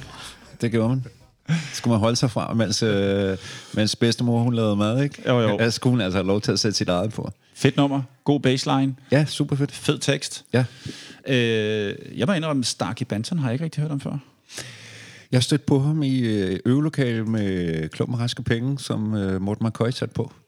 Okay. Som en øh, version, vi måske skulle spille. Vi kommer aldrig til at spille den, men øh, mm. siden da så øh, har jeg hørt det nummer mange gange. Og Okay. jeg deler det med min datter. Luna, hun synes, det er så fedt, det nummer. og Vi kan synge det sammen og sådan noget der. Ja. Øhm, så jeg har lært hende sådan lidt partur. Jeg ved jo, at du har... Altså, øh, dine børn spiller musik, og øh, du har opdraget meget med musik. Hvordan har du gjort det? Ja, men til at starte med, så er de jo begge, øh, siden de var fostre og lå inde i mors mave. Altså, så Maria var jo altid ude at høre mig, så øh, mens de lå inde i maven, har de jo blevet bombarderet med, med tung bas. Altså, det er jo det, er det man siger, at valsang når længst. De dybe toner, øh, de, Ja. de kommer langt, ikke? Ja. Øhm, og så har vi jo hørt meget musik i familien. Mm. Altså, altid haft musik på, og altid godt kunne lide at danse, også bare derhjemme. Øhm, så det har jo været hjem med rigtig meget musik. Mm. Og jeg har hørt rigtig meget forskellig musik, og min kone elsker salsa, og hører rigtig meget. Når hun laver musik, så skal der være, så skal der være rockathon på. Så skal du altså heller ikke komme og sætte et eller andet små stille på, så får du også med stokken. Nej, det er forkert sagt. øhm, men de er opfostret med musik, og de har været med fra tidligere af, har begge unger været med ude, når jeg har turneret. Og, øh, og der vil jeg da gerne starte med at fortælle en historie om Lune. Hun tog, øh, min dejlige datter tog øh, musiklinje på Christianshavn og kan spille bas og trommer. Men øh, hun har især, især dyrket dans og gået til dans og elsker at danse. Altså, det er hendes salt. Øh, hvis hun ikke kommer ud og fyrer den af i byen og danser, øh, så tror jeg, hun vil visne. Øhm, men første gang, jeg havde øh, hende med øh, på en stor festival, var Skanderborg med Big Stock. Og jeg kan bare huske, det var så hyggeligt. Og generelt med alle de bands, hvor jeg har haft mine børn med, bliver de altid modtaget så dejligt. Øh, jeg kan huske Dwayne, der ligger ude bag i og ligger og ruller rundt som en hund og kaster sådan nogle små spåner over til Luna, som måske kaster, som man så griber i munden. Og du ved, der er bare sådan en... Børnene er mega meget velkommen og bliver taget med. Og vi spiller så på øh, Skanderborg, og øh, da vi spiller tre, tre stykker tøj, så bliver, øh, kalder, øh, kalder Dwayne øh, Luna ind på scenen. Og så kommer hun ind, og hun står, jeg har blevet ladt, står helt lille, og så sød, og står bare og danser. Øh, da hun så går ud af scenen, så jeg mener, det rytmehals, hvor der er okay mange mennesker. Øh, da hun så går ud af scenen, og det er færdigt, så begynder teltet at stå og råbe, Luna, Luna, Wow. Luna, Luna. Og jeg var bare sådan, ej, det er da næsten lidt for meget. Altså, men hun stod og smilede og nød det så meget. Og der var også igen, der var min mor med, og jeg har været på, været på, øh, på Langeland, hvor både min mor og øh, Lunas øh, veninder, og altså der har altid været plads, og folk har været gode til at bruge gæstelisten til, til, til nære ting, til familie, og sørge for, at man kan komme med. Ikke? Mm. Det, vi snakkede kort om, øh, inden vi øh, gik på, at det betød meget for dig, det her med, at musik kan noget andet, øh, end, end hvad det kan for dig, sådan rent personligt, men det kan også noget os mennesker imellem, og det kan binde os sammen, og det kan... Øh, øh, ja, vi, vi mødes på en anden måde, når vi har vores familie med, eller vi mødes til koncerter og sådan noget. Der kan øh, reggae måske, måske også andre genrer, der kan det et eller andet, hvor vi, hvor vi samles på en særlig måde. Det betyder noget for dig i hvert fald, sagde du. Det gør det helt sikkert. Men hvis jeg lige må gøre mine børn færdige, Ja. Så hopper jeg lige til den der bagefter, men så er der jo Pablo, min søn, øh, Ja. på 15, der begyndte at spille guitar. Ja. Øhm, og det gør mig så stolt af begge. Han har også været glad. For et par år siden gav jeg ham en pladespiller, og han elsker at lytte til albums og høre hele ting. Øh, Han er meget til surfrock og nogle helt andre ting. Jeg har spillet uh, Survival for ham, hvor han synes, at produktionen og gitaren var rigtig fed. Han synes ikke, Bob Marley er nogen god sanger. Men han har meget sin, uh, sin egen smag, og, og jeg kan rigtig godt lide det, fordi at det er ikke genre. Det er, hvis det er god musik, og han kan lide det, så er han ligeglad med, hvor det kommer fra. Ikke? Mm. Så ham var jeg øvelokalet med her for første gang for ikke så lang tid siden, og vi bruger 10 minutter, så har vi et ret funky nummer, og jeg spiller trommer, og han spiller guitar. Det var første gang, jeg så ham spille sammen.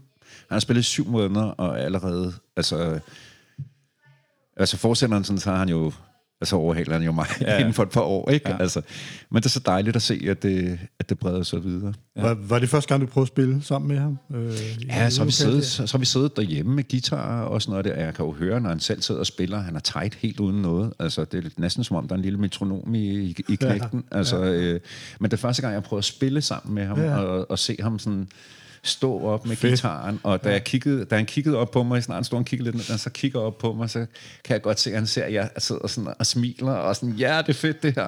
Og så begynder han også bare at grine og stå og smile og spiller videre, ikke? Altså, øh, Ej, hvor er det fedt, I kan have det sammen. Altså. Ja, ja, men det er ja, så dejligt, ja. og øh, altså, han har rent faktisk øh, hjulpet mig lidt i gang her. Altså inspireret mig til at komme lidt i gang igen. Øh, ja. ja, så det, det er dejligt at have unger, som også elsker musik. Mm. Øh, Og vide, man måske selv har inspireret dem den vej jeg er super stolt og glad for, at de netop har kunne være med. Og der vil jeg gerne lige fortælle en andre historie med Pablo. Øhm, han kom med til lydprøve inde på Store Vega, hvor Chef Records havde sådan en, øh, en øh, fest, de holdt for sig selv, hvor de hyldede sig selv. Øh, og ret fedt. Jeg kan godt lide Chef Records for at have taget... Øh, det er et label, hvor, øh, hvad det hedder, Kid og Klumpen og, og nogle andre er inde over. Øhm, og de har taget magten selv og har deres eget pladeselskab, og der er ikke nogen, øh, der, er ikke nogen der tjener penge på dem, andre end dem selv. Øhm, og det er jeg stor respekt for. Nå, vi sidder i backstage, øh, og Pablo er han er sådan egentlig ret uimponeret over det hele.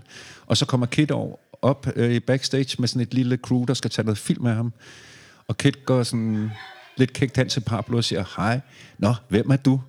Kigger Pablo på ham og siger, hvem er du? Det synes jeg bare, at er cool knægt. Altså, ja, ja. det er sådan der, du, øh, du, kan godt Der- sige, du kan godt tale for dig selv. Altså. Der skal meget til at imponere ham lidt. ja, det skulle der. Øhm, og så generelt også med klumpen og raske penge, øh, hver gang Pablo var med. Øhm, og vi spiller intelligent, så i stedet for at sige, at den mand er så intelligent, hvor Rasmus altid på Pablo, han er så intelligent. Ikke? Det er bare det der med at øh, inkludere og inddrage, og man føler sig hurtigt som en familie, når man kommer med. Altså, ens familie bliver taget ind. Maria har også altid været meget mere for at altid overgive alle en krammer og et kys på kinden, og... Så på den måde, som du siger, ja, der er, det er mere end bare en, et, et musik, en hobby for mig. Det har ret hurtigt spredt sig ud til at blive en familie. Mm. Og jeg tænker, det du øh, også spurgte ind til før, det var det der med, når vi kommer ud og hører hinanden, og aftener, hvor man spiller med Ministry eller et eller andet, og så Sky Juice øh, Sound System samme aften. Altså, vi mødes, og vi snakker musik, gjorde vi især i starten, men her senere også, begynder vi også at snakke familie, og man ser, øh, man ser folks børn, børnebørn lige pludselig på op på scenen. Ikke? Øh, din, øh, Patricks øh, søn, kan jeg huske første gang, jeg så ham, hvor vi spillede lille job ude til fritidshjemsting. Så altså lige pludselig som 7-8 år eller sådan noget der, så får han startet, en, øh, får han startet bilen og ved at køre væk i den. Ikke? Jeg kan huske første gang, jeg skulle spille med Dean, der kommer ned i øvelokalet øh, og ser så, at det er også gamle drenge. Øh, og han bliver simpelthen så ydmyg, og er bare sådan, ej, hvor er jeg glad for, at I gider at spille med mig, og det er så dejligt at få lov at prøve at spille med jer. Øhm, så det er så fedt, at øh, vi følger hinandens familier, og vi kender til hinandens børn, og øhm, så på den måde er det mere end bare en arbejdsplads eller en hobby. Det er også blevet et, øh, ja, hvad skal man sige? Det ved jeg ikke. En familie, Ja. ja. eller en kultur i hvert fald, mm. hvor man følger med hinanden. Ja. Og så kan vi jo måske også lige komme ind på øh, den der ting, du sagde øh, til at starte med. Øh, I 98 starter mig og Jakob, øh, en anden ven, jeg har, ja. som øh, bassist i Skalar. Øh, det siger et... Øh, Jo, Jakob, kan vi da godt huske. Han var da også med i FC Wales. Det var han. Han ja. var jo med til at starte det. Han var nærmest Og øh, en rigtig dygtig fodboldspiller også. mega ja, dygtig fodboldspiller. Men FC Wales var et fodboldhold, hvor øh, øh, vi alle tre har været med. Øh, du var en god øh, enten centerback, eller skulle du også ligge op på midten, og Jørgen var jo vores tiger. Altså, øh, Jørgen var vores topscorer. ja, og han var også vores anfører, ja. og altså, Ja. ja. du var jo, øh, du var jo guds på noget, vi var alle sammen guds på noget fodboldspil. Men der var ingen tvivl På om, at øh, du tog teten der, ikke? Ja. Ja. Men så havde vi jo også Adil.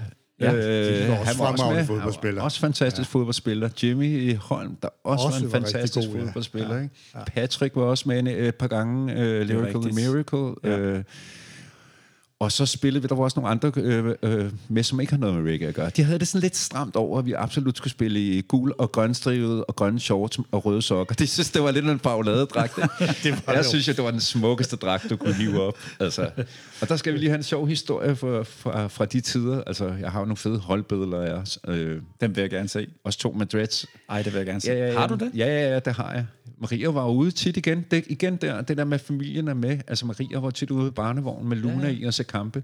Hun har taget et billede af mig, hvor jeg scorer et af de 4-5 mål, jeg får scoret på 10 år. Jeg var målmand, så det var ikke mange. Men hun har set et billede, hvor målmanden kommer glidende ud. Og jeg, altså man kan se, at jeg lige har skudt under bolden, så den lige bliver loppet over ham. Man ja. Kan se bolden på vej ind, og det er bare sådan, skat, hvordan kunne du ramme? Ej, hvor er det Hvor er jeg glad for perfekt det. billede, altså, mand. det er bare sådan, fra nu af burde jeg fortælle historien, jeg var topscorer på. Ja, klart. Ja. Altså, så det igen, altså, øh, det, det, blev, det blev en stor venskabskreds. Øh, Ja. ja. Hvem var mere med? Det var jo syvmandsfodbold. Det var Vi, syvmands var ikke, ja. vi spillede kun få 11-mandskampe. Ja. Jesper Bæk var vel også med nogle gange? Jesper var også med. Jesper det var han var da. også med, det er rigtigt. Ja. Øhm, Pokker var mere med. Øhm, så kom der nogle nye til e- efter nogle år. Allan. Øh, Min, min kammerat Allan. Allan var også, Var med også en med. gang imellem. Ja. Og så var det Jakob, som også har startet holdet. Han er jo også en del af sine venner. Det er rigtigt. Søren og Kasper. Yes, Og, det er rigtigt. øhm, så der var også... Ja. FC Whalers. Hvis du har billeder, så Det skal jeg da Dem jeg sendt, så vi kan smide dem også, så folk kan se det på... Ja, de skal op på på Instagram, Instagram. ja. Instagram. Helt Klart. klart. Jamen, dem skal jeg finde. Okay. Jeg har det helt typiske, hvor jeg som målmand ligger ned. Og, øh, eller er det, nej, jeg tror faktisk, det er dig, der har lagt dig ned, du ved, øh, foran de andre med, med, med, med hovedet på, på hånden. Nå, der. Altså, ja, ja. ja. ja. Det var dejlige tider. Vi spillede ude på Kløvermarken. Meget Ja. tit i hvert fald. Meget tit, ja. På de knoldede baner derude. ja. Øhm, En sidste historie ja. for det. Øh, et år, der lå vi og konkurrerede om førstepladsen med et hold, der hed Odense Bongvenner. Jeg ved ikke, om, kan du huske dem? Jeg kan godt huske dem. Jeg kan godt huske dem. Øh, og de hed Odense Bongvenner, fordi de mødtes og var venner og røg bong. Øh, og de synes, jeg, det var alt for fedt, de skulle møde FC Whalers. Altså, øh, og vi havde nogle rigtig gode kampe. Det var velspillet, og ligesom også velspillende færre hold, der godt kunne lide øh, fede detaljer, i stedet for bare at, at mosle de andre ned. Ikke? Ja. Øhm, og jeg kan huske, at deres anfører kom hen og foreslog, om vi ikke næste gang, i stedet for at øh, du ved, øh, give hinanden øh, holdvimpler, om vi så ikke skulle have en joint med. det gjorde vi så aldrig. Det var alligevel, øh, det var alligevel lidt for voldsomt, men altså, jeg det var ikke, bare den sidste anekdote til fodboldholdet der. det kan være, at dommeren han måske lige havde, havde øh, spadet øjnene op, hvis, ja. Hvis de to anfører havde Ja, exchanged Det kunne, joints. det kunne godt være, at vi var kommet ind og fået taget blodprøver til doping. Ja, lige præcis. ja det er det. Øhm, jeg kunne godt tænke mig at snakke lidt videre omkring øhm, dig og sådan din, din vej op igennem musikken, fordi efter, vi spiller så Ministry of Harmony, og det gør vi en del år, men så begynder ja. Du selvfølgelig også, da det stopper i starten af år 2000, Ja, der begynder du at spille med Rhythm Force. Den har vi været lidt inde på i tidligere afsnit. det har vi. Du spillede sammen med Tormod, og øh, Troels var vist også med der, ikke? Nej. På keeper. Var han ikke? Nej, nej, nej. Troels møder jeg først langt senere, da han, laver, han kommer med i Rocker Park. Øh, det tror jeg første gang, jeg møder altså Okay. Troels Kie der. Det var Daniel Musinski, der var, øh, der var øh, med, inden vi fik øh, Anders Vestergaard på, på KIS. Ja. Og I havde, var det farfar på trommer? Farfar ja. på trommer, øh, Tormod på guitar, ja. øh, og Rhythm Force var med Anders Vestergaard. Mm. Vi hed Groove Killers øh, dengang, det var øh, Daniel Musinski, der var på, Det er rigtigt. og så mig på bas. Øh, og der havde vi rigtig mange gode år. Og der begynder I jo at spille med, med mange sanger, og ja. spiller også en del på Stengade som øh, nærmest et, et hus-backing band. Ja, vi for- for... husker backing band. Øh, Aaron og Malaki, især Malaki, havde fået noget kulturstøtte, så han kunne tilbyde mange af de øh, internationale reggae-sanger, der kommer til, som ikke havde øh, band med, øh, og som egentlig bare har spillet med DJ, kunne han tilbyde, at han havde et rhythm band, der gerne ville lære sangene, øh, Ja. uden omkostninger for dem. Okay. Øhm, Er der nogle af de kunstnere, du har spillet med sammen med, med Rhythm Force, som du husker særligt? Altså, jeg har listen her, Ja. hvem du har spillet med. Det er Du rigtig, rigtig mange, ikke? Jo. Og nu ved jeg ikke, om alle sammen er sammen med Rhythm Force, eller nogle af dem var med Groove Killers, eller hvordan det er opdelt. Men øh, skal jeg se engang. Rhythm Force har spillet sammen med Country Culture, Biddy McLean, Echo Minor, Jockey Star, Half Pint, Shinehead, Johnny Clark, Lady Saw, Jamason, Alton Ellis, Admiral Bailey, Michael Rose, uh, Siggy, Jabobby, Little Tasha, Horace Korn, Mr. Chin, Kornstik, Mandingo, Professor Dong, eller Ding Dong, uh, Ataf, Noble, MC Clemens, Funk Flush, Luko, Burhan G, Big Stock, Ange, Adil Dread, Alawi, Shorty, Oliver, Emo, Kaka, Shirley, Jaturban, Lyrical The Miracle, Patrick, Miss Mokuba, øh, Chaba, farfar Peter A.G., Bolokas fra der er Senegal. Det er sådan noget, der skal Det var vi dernede. op. Der, ja, det var det band. Øh, der, hvor du kom til nu, var med Rhythm Force. Øh, Hip-hop-navnene, Funk Flush, Clemens og øh, også øh, Luko er øh, med, med Groove Killers. Okay. Ministry, selvfølgelig har vi vendt på. Jossers Cross, øh, Dub Surgery, Bliv Glad, Balstyrko, Klump med raske penge. Ja. Det er mange navne, Jacob. Det er mange navne, Det er, du har været vidt omkring. Det må man sige. Det har så alt sammen, kan man sige, nærmest undtagen øh, Valstyrko, som så jo, det var med, med Lasse Blaze B fra, øh, fra Big Stock Ja. øh, og Anne Trolle, øh, har jo alt sammen været meget reggae-orienteret. Eller det har det jo alt sammen været. Jossers Cross, det var med farfar. Justice Cross med far for et øh, dub-projekt, øh, hvor vi havde øh, Emil, som også er emo, og øh, vi havde Tuko, Ja. og vi havde Jabobby på som sanger. Og så spillede vi, øh, spillede vi nogle numre for den udgivelse, de havde lavet, øh, som jeg ikke kan huske, hvad hedder nu. Øhm, og så dobbede vi. Mm. Masser af dub, øh, og så blev det meget hurtigt en, lidt i øh, forskellige sange fra Tuko og, og, og Bobby, som vi spillede. Øh, ja. Super fed ting. Jeg elsker det ved at være god tid. Det kunne nemt blive sådan 8-10 øh, minutters nummer, hvor, hvor der blev syret ud og dobbet og ekko. Og, mm. Var det live dub på scenen? Det var live op på scenen. Øhm, det var ikke lydmandsstop. altså, øh, jo, det var det også. Det var Okay. også lydmand stop på stemmer og, Havde, og, og sådan havde nogle I ting. en fast lydmand til at lave de ting der, eller var det sådan øh, havde- instrueret den, Det havde vi ikke rigtigt. den, på, den, der lige var på stedet? Instruerede ham i, hvordan han skulle gøre? Rust. Lyshåret fyr med hestehale. Det har de alle sammen. Ej, det, det var tavligt. uh, senere hen, så fik jeg jo Bjørn Lydmand på. Uh, Bjørn ja. Vinem, uh, som jo var fast lydmand på Stengade, og fast lydmand med Big Stock, og uh, altså øh, fast lydmand på Ra- Rocker Park uh, Silkeborg Festival. Han har jo lavet så sindssygt meget mm. reggae, og er nok en af de, er nok den mest kvalificerede, vi har herhjemme. Ikke?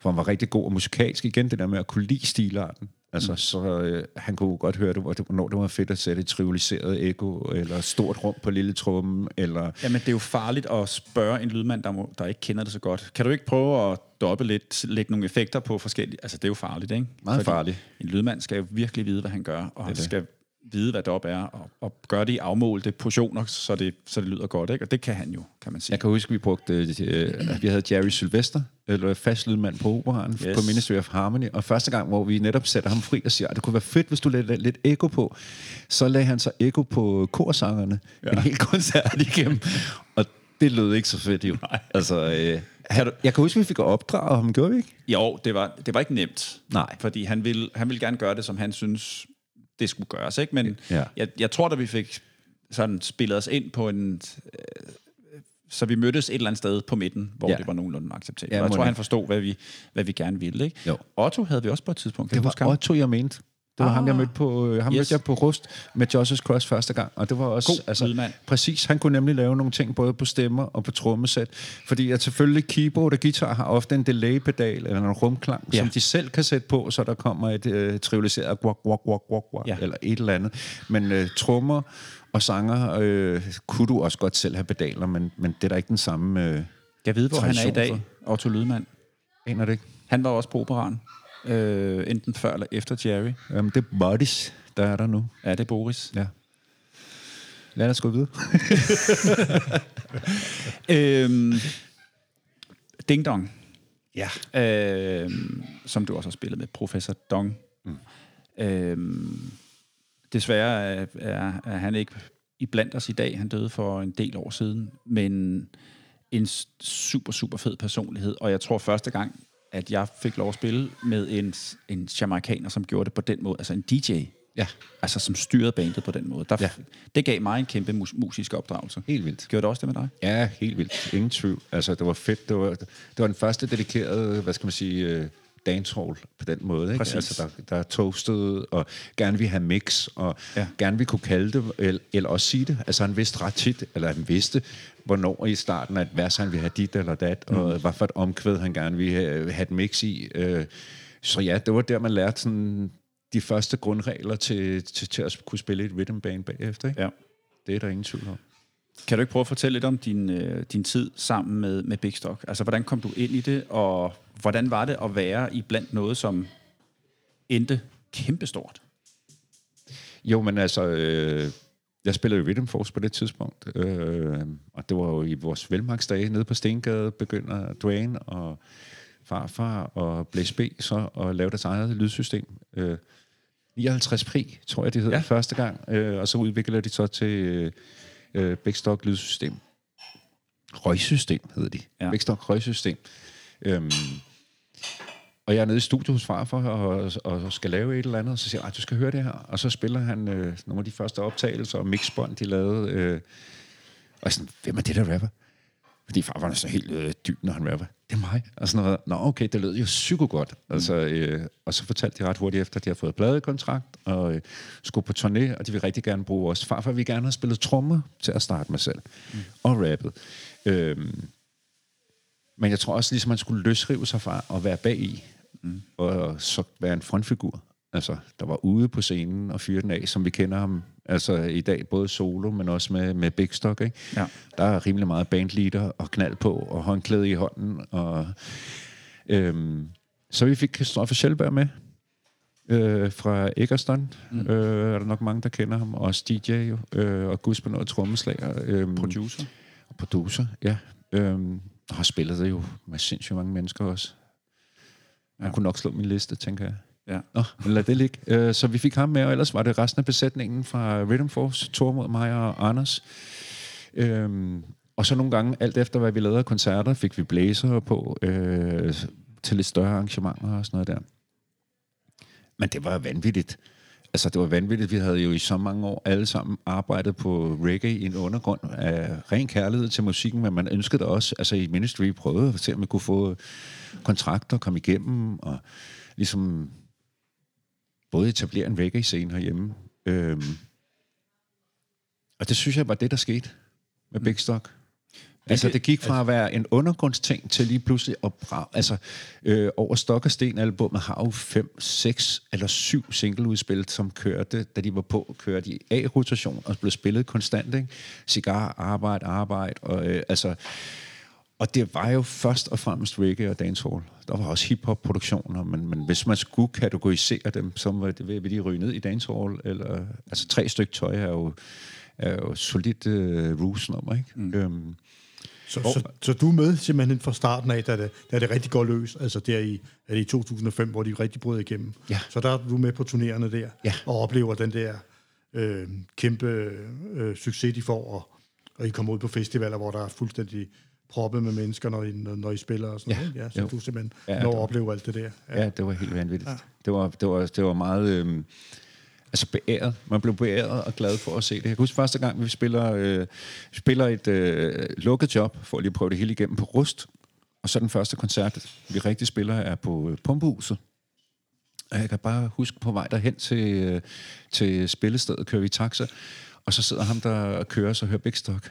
Og det var sådan, åh, hvor fedt. Altså, og hvad sker ja, der? Det var efter Over og Sten var kommet ud, så. Ja, ja, ja, den var kommet ud, og vi skulle på tur, så det havde været ude et stykke tid jo, øh, og var allerede slået igennem, ellers så var vi ikke blevet booket jo. Altså, det første år, vi var ude, var vi booket til på, på Arena på Roskilde, Grøn Scene dengang, ikke?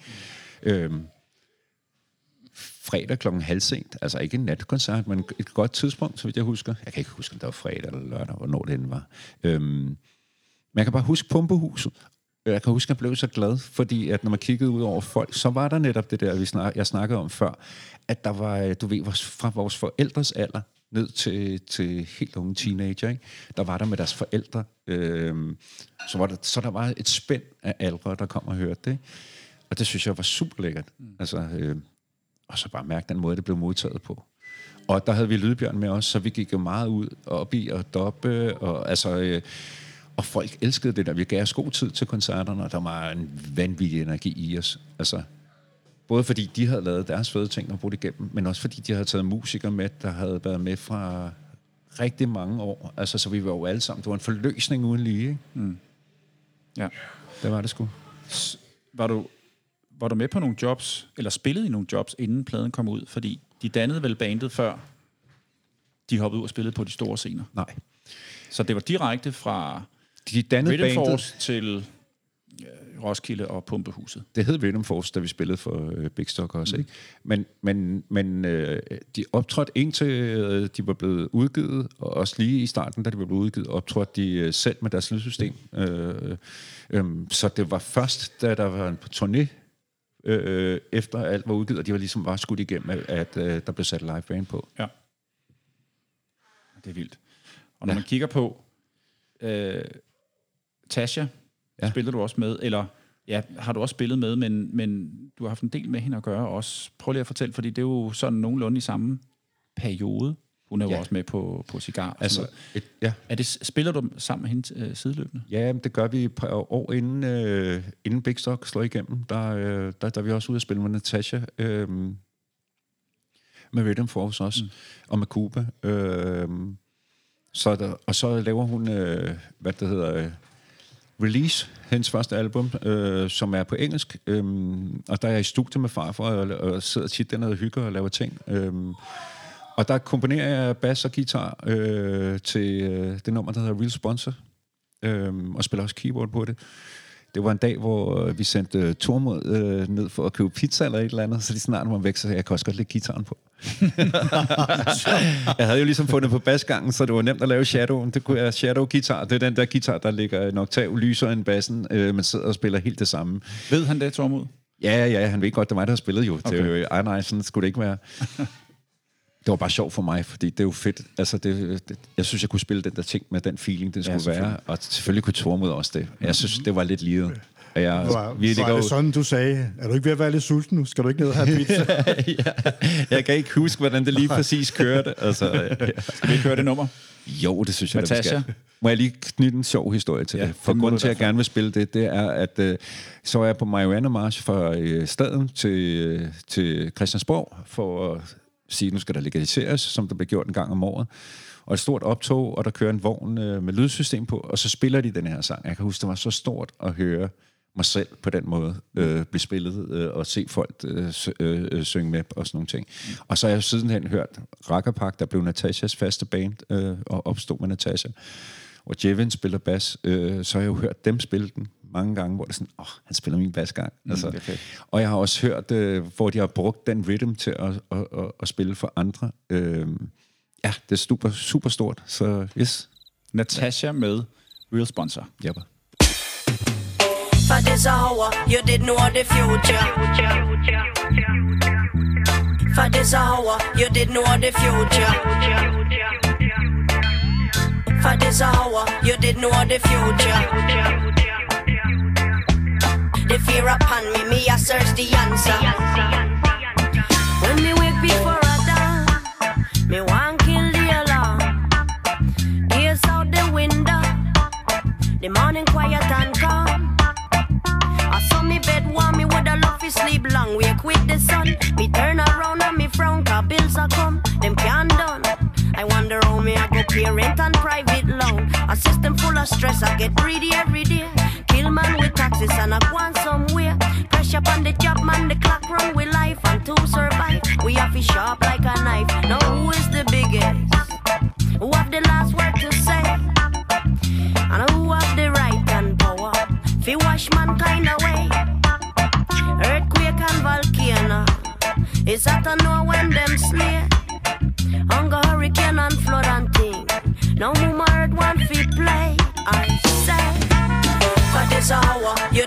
The future. How would you plead, man, and how would you vote for? This are upon me, me I search the answer. I wonder who make the hits and the cancer. If at the hour, you did know the future. How would you plead, man, and how would you vote for? The fear upon me, me I search the answer. How will we live now, the earth of you is In a this sponsor. time, enough things pon me mind. Me say me can't believe me eye when me a watch mankind. When me see how we a murder one another for a dime. See how we blind, how we commit the same crime time after time. We can't lie. Wonder who make the history bend and twine. In a this a day, you feel clever and smart. Carry love in your heart, and you clear from the start. Dress yourself in one nice, friendly and loving mood. Think good, make way for the youth. Now who build the future, and I will practice what. Just tell me where we reach for.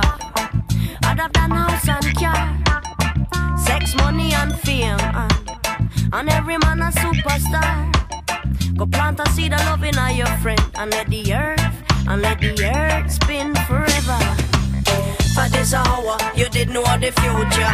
How would you plead, man, and how would you vote for? This are upon me, me I search the answer. I wonder who make the hits and the cancer. If at the hour, you didn't know the future. How would you plead, man, and how would you vote for?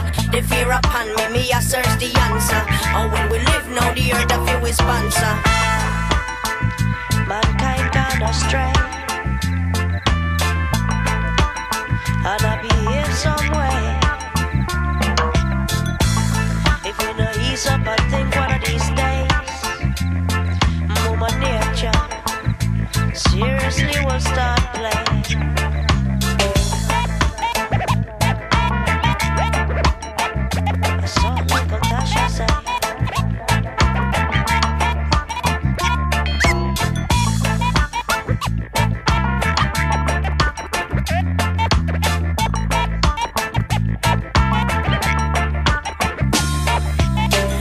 Hour, you didn't know the future.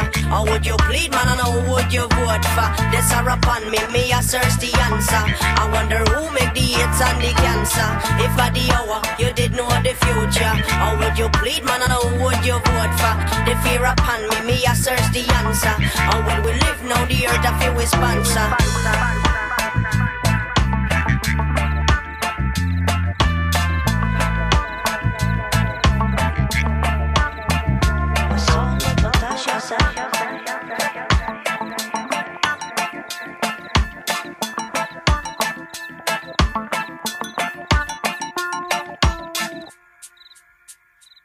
Lige at bunden falder så lidt mere, ja, ikke? Altså, ja. det må du også kende med rhythm bands. Det, det, det er ikke altid, man selv får en fantastisk oplevelse ud af det. Det Nej. kan godt være, at det en, for dem, der står og lytter, lyder det godt og fedt, mm. men man er på, man er på arbejde. Ja. Hvis man har fået øh, de der 24 numre eller 20 numre, hvis man er heldig, har man fået dem 14 dage før. Ja. Og hvis det er ret uheldigt, så øh, er, de, er setlisten først fattet en uge inden, eller et eller andet. Ikke? Og hvis man er rigtig heldig, så får man lov til at øve det første gang på lydprøven. Præcis. Præcis. Nå, øh, ja, Bitte McLean var en god øh, oplevelse, kan du huske, en god koncert, du havde? Ja, Ja, det var det. vi optager. Ja, ja, jeg ved, vi optager. Nå, okay, okay. Men altså, jeg vil egentlig hellere sige noget om det, der ligger, det ligger mig tættere på nu. Altså, øh, jeg fortalte også sidst om øh, en anden Stinkede koncert, hvor... Øh, ja, så lad os lade Stinkede... Jeg tænker, lad os lade Stinkede og Rhythm Force, fordi jeg synes, vi har været godt omkring det, da vi... Øh, Ja, da, da vi lavede Rhythm Force-programmet. ja. Så jeg vil sådan set hellere komme ind på... Øh, for eksempel, hvad det hedder, øh, Klumpen Raske Penge Ja, øhm, som er det seneste, jeg øh, har været med i. Ja. Øhm, og det, jeg rigtig godt kunne lide ved dem, var, at øh, ikke andre ikke har noget på hjertet, men øh, Rasmus og Christian har rigtig meget på hjertet, øh, og ikke bange for at være, være samfundskritiske, og øh, numre som Rundt og Baghave, øh, og hobby. Altså for, for Christian, der handler om, at nu synes han altså godt nok, at hans kvinde skulle tage og få sig en hobby, fordi at hun hele tiden nakker lidt på ham, og, og sådan noget der. Det er der nok mange, der kender til. Og så er det så fedt, for den vender den også lige om til sidst og siger, at måske skulle jeg få mig en hobby. så, så jeg synes, Christian var på sådan en øh, meget jordnær måde ret essentialistisk, og tog sådan nogle problematikker, der fylder os alle sammen øh, op. Og, og Rasmus øh, kunne på fantastisk vis i baghave beskrive øh, hele den dynamik, der er omkring at være misbruger, og hvorfor man bliver kriminel, og mm. hvorfor det kunne være en rigtig fed idé at, at legalisere alle stoffer, hvad jeg også er øh, en stor tilhænger af. Altså, mm. jeg tror, at det er meget bedre at bruge penge på at hjælpe folk, og oplyse folk, øh, og støtte dem, end det er på at straffe dem, og udskæmme dem, og... Øh, det er jeg ikke i tvivl om. De lande, der har gjort det, Portugal og andre steder, hvor man har legaliseret Holland og sådan noget der, har nogle ret gode resultater. Altså ikke, ja. en, ikke et opsving i forbruget, men Nej, faktisk en i Portugal er det gået, forbruget gået ned, ikke også? Præcis. Ja. Plus du kommer ja. en masse kriminalitet til liv, hvis det ikke er kriminelt mere. Ja. Altså, tænk på alle de politibetjente, der løber rundt ude på staden. Øh, de kunne tage sig af nogle andre ting. Øh, og der er der andre ting, man kan tage sig af i samfundet. Øh. Nå, det er, hvad det er. Men der har jeg også et par sjove historier fra den tid, øh, som, jeg, som jeg gerne vil have med. Vi spillede på et tidspunkt et støttejob for øh, Lungecancerforeningen inde i øh, det kongelige teater, ikke den store sal, men den lille sal. Øh, og Mary, øh, kronprinsesse Mary er med øh, derinde. Øhm, og jeg er sådan lidt, okay, Lungecancerforeningen, klump raske penge, og Faxe Kondi er jo ikke kun om Faxe Kondi, det er jo en rygersang også, og sådan noget. der. er var sådan, altså, enten ved de ikke, hvad de laver, ja, eller det, så har de rent faktisk bare humor. Ja. Altså. Ja. Så kommer vi der ind, og vi skal til at gå på, og altså, Rasmus, han er, jeg synes, at man er så intelligent, og øh, han er så god mor, ikke? Han går så ind og siger, ja, men de er meget beæret over, at de må spille her, øh, fordi lunger er jo en vigtig ting. Øh, lunger bruger man til rigtig mange ting. For eksempel til at ryge med. og der, er bare, der bliver klukket ude på salen og sådan noget der, ikke? Så siger han, ja, selv med rygeren sidder hernede og skal høre på, ikke? Og så spiller vi vores nummer, og så bagefter, så får vi jo en gave for at have været med, og det er så et uh, Georg Jensen Askebær. altså, så, så de havde humor. Ja, de havde det, var humor. Ikke, det var ikke fejlcasting, nej, det var nej. rent faktisk uh, det var rent faktisk god humor. Ikke? Ja. Det første job, vi uh, skulle spille med Klump og Raske Penge, uh, var på Pavillon Junior i præugen til Roskilde. Uh, så du må sige, det var... Uh, det var øh, lige på og hårdt. Altså, det var et af de største job, vi overhovedet havde, og det var vores første. Øhm, da vi skal øve op til det, Top Gun er med, og skal, skal, skal også synge med på de numre, han er med på. Vi øver, og står ind i øverne, Top Gun og går ud og går lidt rundt, og der ligger en lille motorcykelklub ved siden af. Eller knallerklub, det er faktisk ikke engang en motorcykel, men det knaller.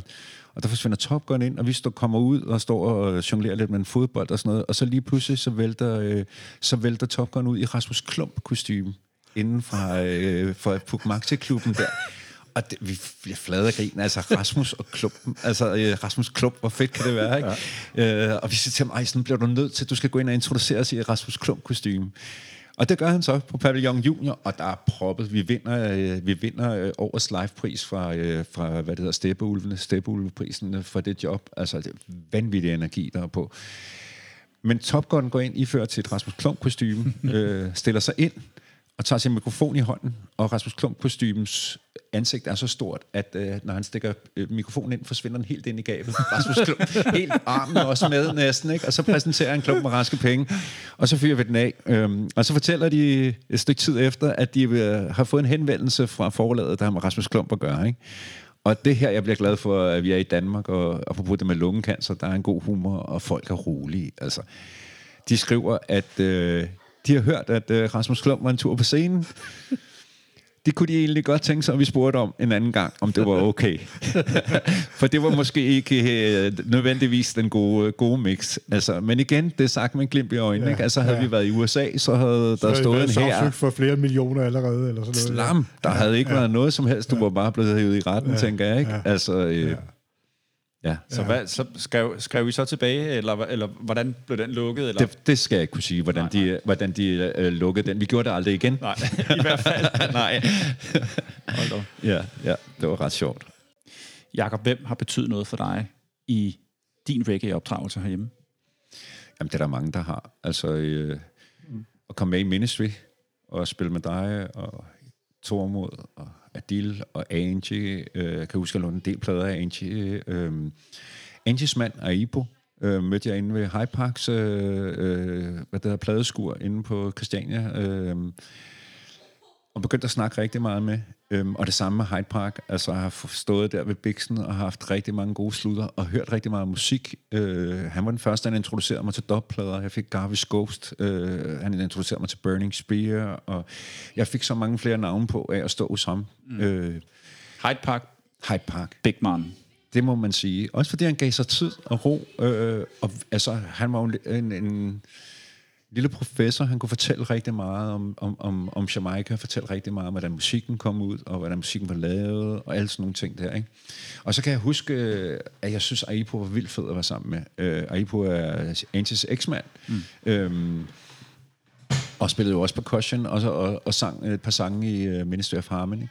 Men jeg kan bare huske, at jeg synes, han havde sådan en vanvittig positiv måde at være på, som jeg fandt ud af, at det er der mange amerikanere, der har generelt også.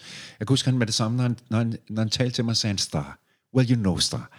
Og, og jeg synes, det var så, ej, hvor fedt. Altså, ligesom øh, når du kommer ind hos en grønthandler, og du køber, så siger han, tak min ven. Altså, jeg synes bare, det er sådan en, øh, det er sådan en god måde at tiltale hinanden på. Du er allerede sådan lagt en positiv øh, vej fra start af. Ja. Øhm, så især der, øh, de folk, jeg har spillet med, øh, jeg synes, det var super inspirerende at se, hvordan farfar gik til at producere musik, fordi at han øh, ikke fulgte nogen slaviske regler, men man kastede sig lidt ud i det, øh, og han var også god til at lytte på Tormod og, og, og, og, og, og mig, og hvem der ellers havde, men han, han fandt meget hurtigt sin egen stil, synes jeg. Mm. Og jeg altid godt kunne lide dem, der tog lidt chancer. Altså, Matt Professor, Professor, der for eksempel har øh, lavet dop af Gorillas og Massive Attack, som vi skal høre øh, om lidt. Øhm, Fat Freddy's Drop, øh, New Zealandsk øh, soul, reggae, øh, øh, elektroniske band, øh, som er vanvittige oplevelser live, der optræder med ordentlig blæsersektion og guitar og keyboards, og meget underligt, så har de ikke bass og trommer med aldrig. Det første gang, jeg var til koncert med dem, var sådan, nej, det mener I ikke.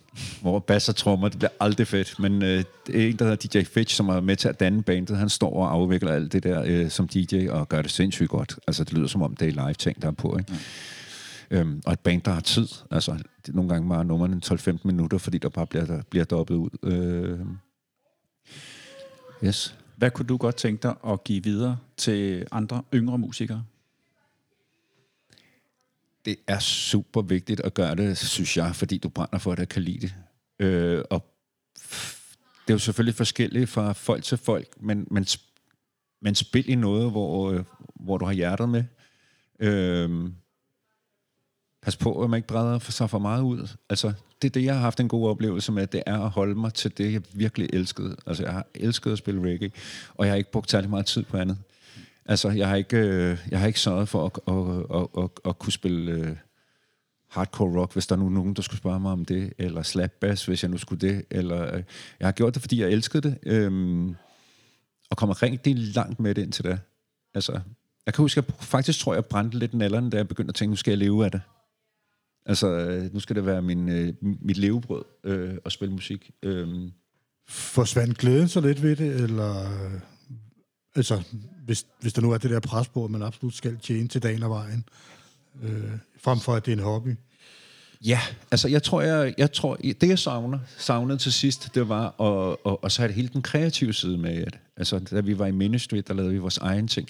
Rhythm Force, der laver du også dine egne arrangementer, og øh, altså, øh, du har en finger med på det, men jeg kom til at spille i for mange konstellationer, hvor jeg skulle spille det, der var lavet. Altså selvfølgelig kunne jeg ligge, jeg kunne nok ikke lade være med at lægge min eget præg på det. Men øh, hvis jeg skulle i gang igen med at spille musik, så skulle det være med nogle folk, hvor vi gik i gang med at lave musik sammen. Mm. Øh, fordi hele den der kreative proces savnede jeg. På et tidspunkt var jeg på turné med Balstyrko og Bliv Glad og, øh, og hvad det hedder, læste til lærer og havde fuldtidsarbejde og mine to dejlige unger og kone, der også øh, øh, skulle have lidt af mig derhjemme. Øh, det er svært at leve af det som musiker. Øh, så ja, jeg tror, jeg brændte, jeg brændte lidt for meget energi af på, på, på for mange år, og kunne ligesom ikke stoppe det ene eller det andet, eller satse 100% på musik, eller sige, nu musik kun for hyggens skyld, øh, og så må jeg passe mit arbejde. Øh. Så ja, altså, tur hoppe ud i det. Øhm, og tage de afsavn, det må følge af, af materielle ting. Altså, øh, det kan godt være, at du har tider, hvor, hvor, hvor der så ikke er så mange penge i kassen. Øh, så sæt dig i... Øh, som musiker, sæt dig i nogle, øh, hvad skal man sige, vilkår og nogle, no, nogle ting, hvor du kan klare dig for lidt, hvis det er et tidspunkt, hvor der er for lidt, så du ikke behøver, tænker jeg, at sige ja til alt muligt for at kunne leve af det. Øhm, så brænd for det, du laver, først og fremmest. Hvad så med musik og dig i dag? Øh, øh, du spiller, spiller du egentlig nu med nogen, eller er det bare derhjemme, og skal du ud og spille igen på samme niveau, som du gjorde før med, med, med nogle bands, og måske på turné, eller er det noget, du ligesom har gjort, har prøvet? Jeg har gjort det, og jeg har prøvet det, og jeg vil bestemt ikke afskrive, at det kommer til at ske igen. Mm. Øhm, men øh, jeg, har ikke, jeg har ikke nogen planer. Lige nu, som jeg fortalte, er det fantastisk at være i øvelokalet igen med min søn. Mm. Øhm, jeg har altid godt kunne tænke mig, øh, netop som jeg siger, det der med at lave musik, jeg kunne godt tænke mig at, at, at komme i gang på computer og få lavet nogle numre selv, og tage ned i øh, lokalet og få nogen til at komme ned og indspille. Øh, men vi må se, hvad, hvad, hvad vejen bringer. Øh, mm. øh, der er ingen faste planer, hvad det angår. Så til alle jer, der siger, hvornår kommer du ud og spille bass igen? Jeg ved det ikke. Du nævnte Massive Attack lige før. Det er også dit sidste nummer, som vi skal høre. Det er det. Første gang, jeg var inde med Rhythm Force, der spillede jeg Man Next Door med Dennis Brown. Øhm, og det er fantastisk, både nummer, og så er det jo en sindssygt fed basgang. Øhm, og så snakkede vi jo det der med versions, at øh, jeg kan huske, at jeg snakkede om Dr. Alimentado, der, hvor, øh, hvor der ligger to versions på deres plade, Poison Flow, og jeg kan ikke huske, hvad det andet nummer hedder, men, men det der med, at man laver nye sange på samme instrumental. Øhm, mm. Og så kan jeg godt lide, når det bliver sådan lidt off. Øh, og det er jo John, John Holt-nummer, øh, og det er Horace Andy, der synger den her på uh, Massive Attack. Øhm, og der er sample fra The Cure på nummeret. Så det, øh, altså, der, er, der er mange ting, der møder hinanden her. Øh, og det different spices. Det må man sige, der bliver, der bliver rystet en god pose sammen. Øhm, og jeg elsker at høre alt muligt musik jo. Øhm, mm. Så derfor synes jeg, at sidste nummer, det har stadig reggae i verden, men det tager øh, også et, øh, et, et leap ind i britisk øh, trip-hop, øh, hvad vi nu skal kalde Massive Attack. Godt. Vil yes. du sige Run It, Lars? Run It.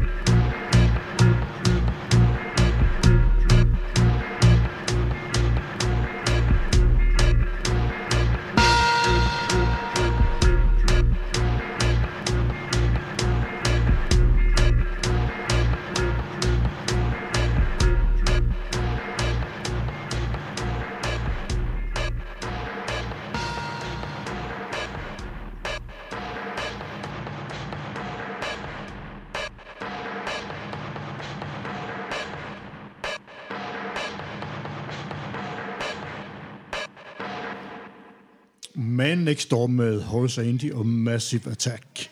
Massive Attack, sammen med Horace Andy, var jeg jo så heldig at opleve live for en, jeg tror det er en 10-15 år siden i Valbyhallen. Fed, fed oplevelse. Fedt. Øh, ja, det var, sgu, det var godt, det var det. Ja. Øh, selvfølgelig Horace Andy er jo ikke med på alle numrene, men øh, det var fedt, når han kom ind og sang hans, hans tunes. Øh, Ja. ja. Super, super fed koncert. Ja. Jakob, inden vi runder helt af, ja. øh, du vil gerne lige færdiggøre det her shout-out til, til nogle mennesker. Ja, men jeg vil især sende, øh, og det er bare et generelt shout-out, jeg vil gerne sende ud til alle dem, der altid er kommet med positiv energi, mm-hmm. som ikke har øh, været bange for at give øh, janteloven et spark, og komme op og sige til folk, når de synes, man har lavet noget fedt, øh, og spillet, øh, spillet godt, eller at det var gode numre, man har lavet, mm. øh, og som altid var smilende og glade og støttende. Øh, og der er mange mennesker, der har været vigtige i, øh, i det. Altså Sheriff, som jo var sanger i Ministry øh, og percussionist.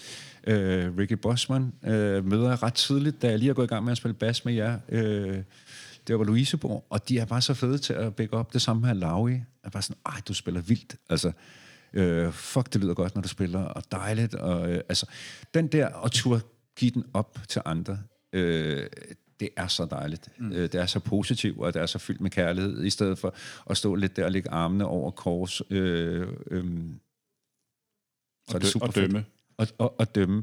Altså, det skal da heller ikke sige mig selv fri for, men det er sjældent. Altså, jeg er ekstremt positiv, og, og, og det skal virkelig hænge dårligt sammen, før jeg ikke bagefter går op og siger, åh, oh, det var sgu fedt at stå og danse lidt til det. Jeg elsker at danse. Altså, Men det er, vel, det er vel okay at høre en koncert, og ikke synes, det er ja. godt? Eller? Selvfølgelig er det eller det. andet? Selvfølgelig er det det. Ja. Øh, men jeg, jeg, jeg, kan bare godt lide, øh, jeg kan godt lide at mærke kærlighed for folk på den måde. Ja. Kærlighed til folket. Bliv glad, dem har du også spillet med. Det har jeg. Ja. Det har jeg.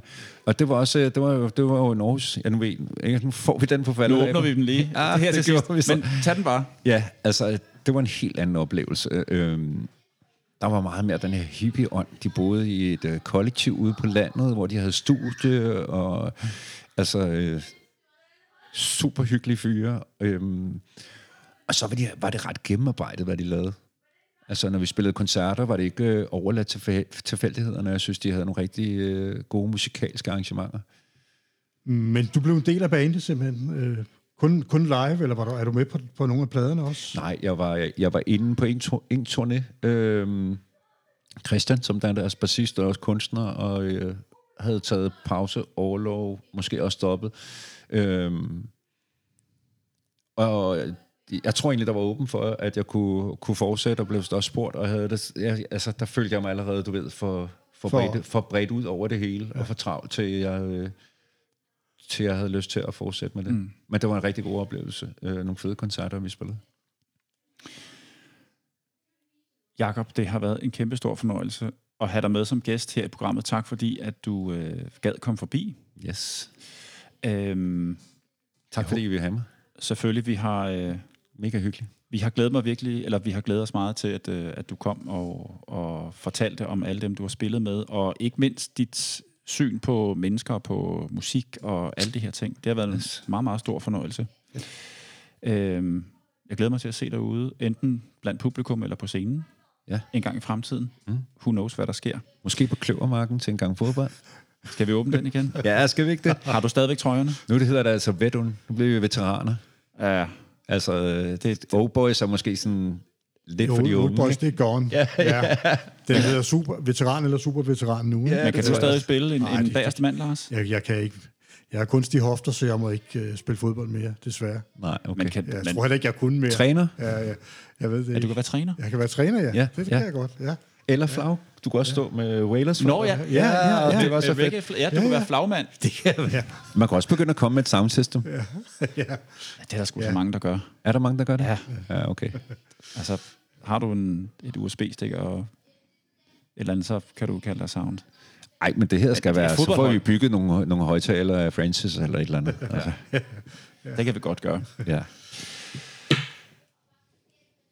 I kan følge os på Instagram, den har vi stadigvæk, og den virker, og den fungerer, men noget, der ikke lige virker helt i øjeblikket, det er vores hjemmeside. Der er en, en midlertidig hjemmeside.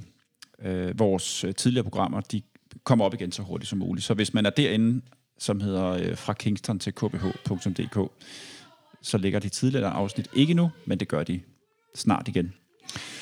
Øh, vi udkommer på alle mulige forskellige podcast-platforme. Det bliver vi ved med at gøre.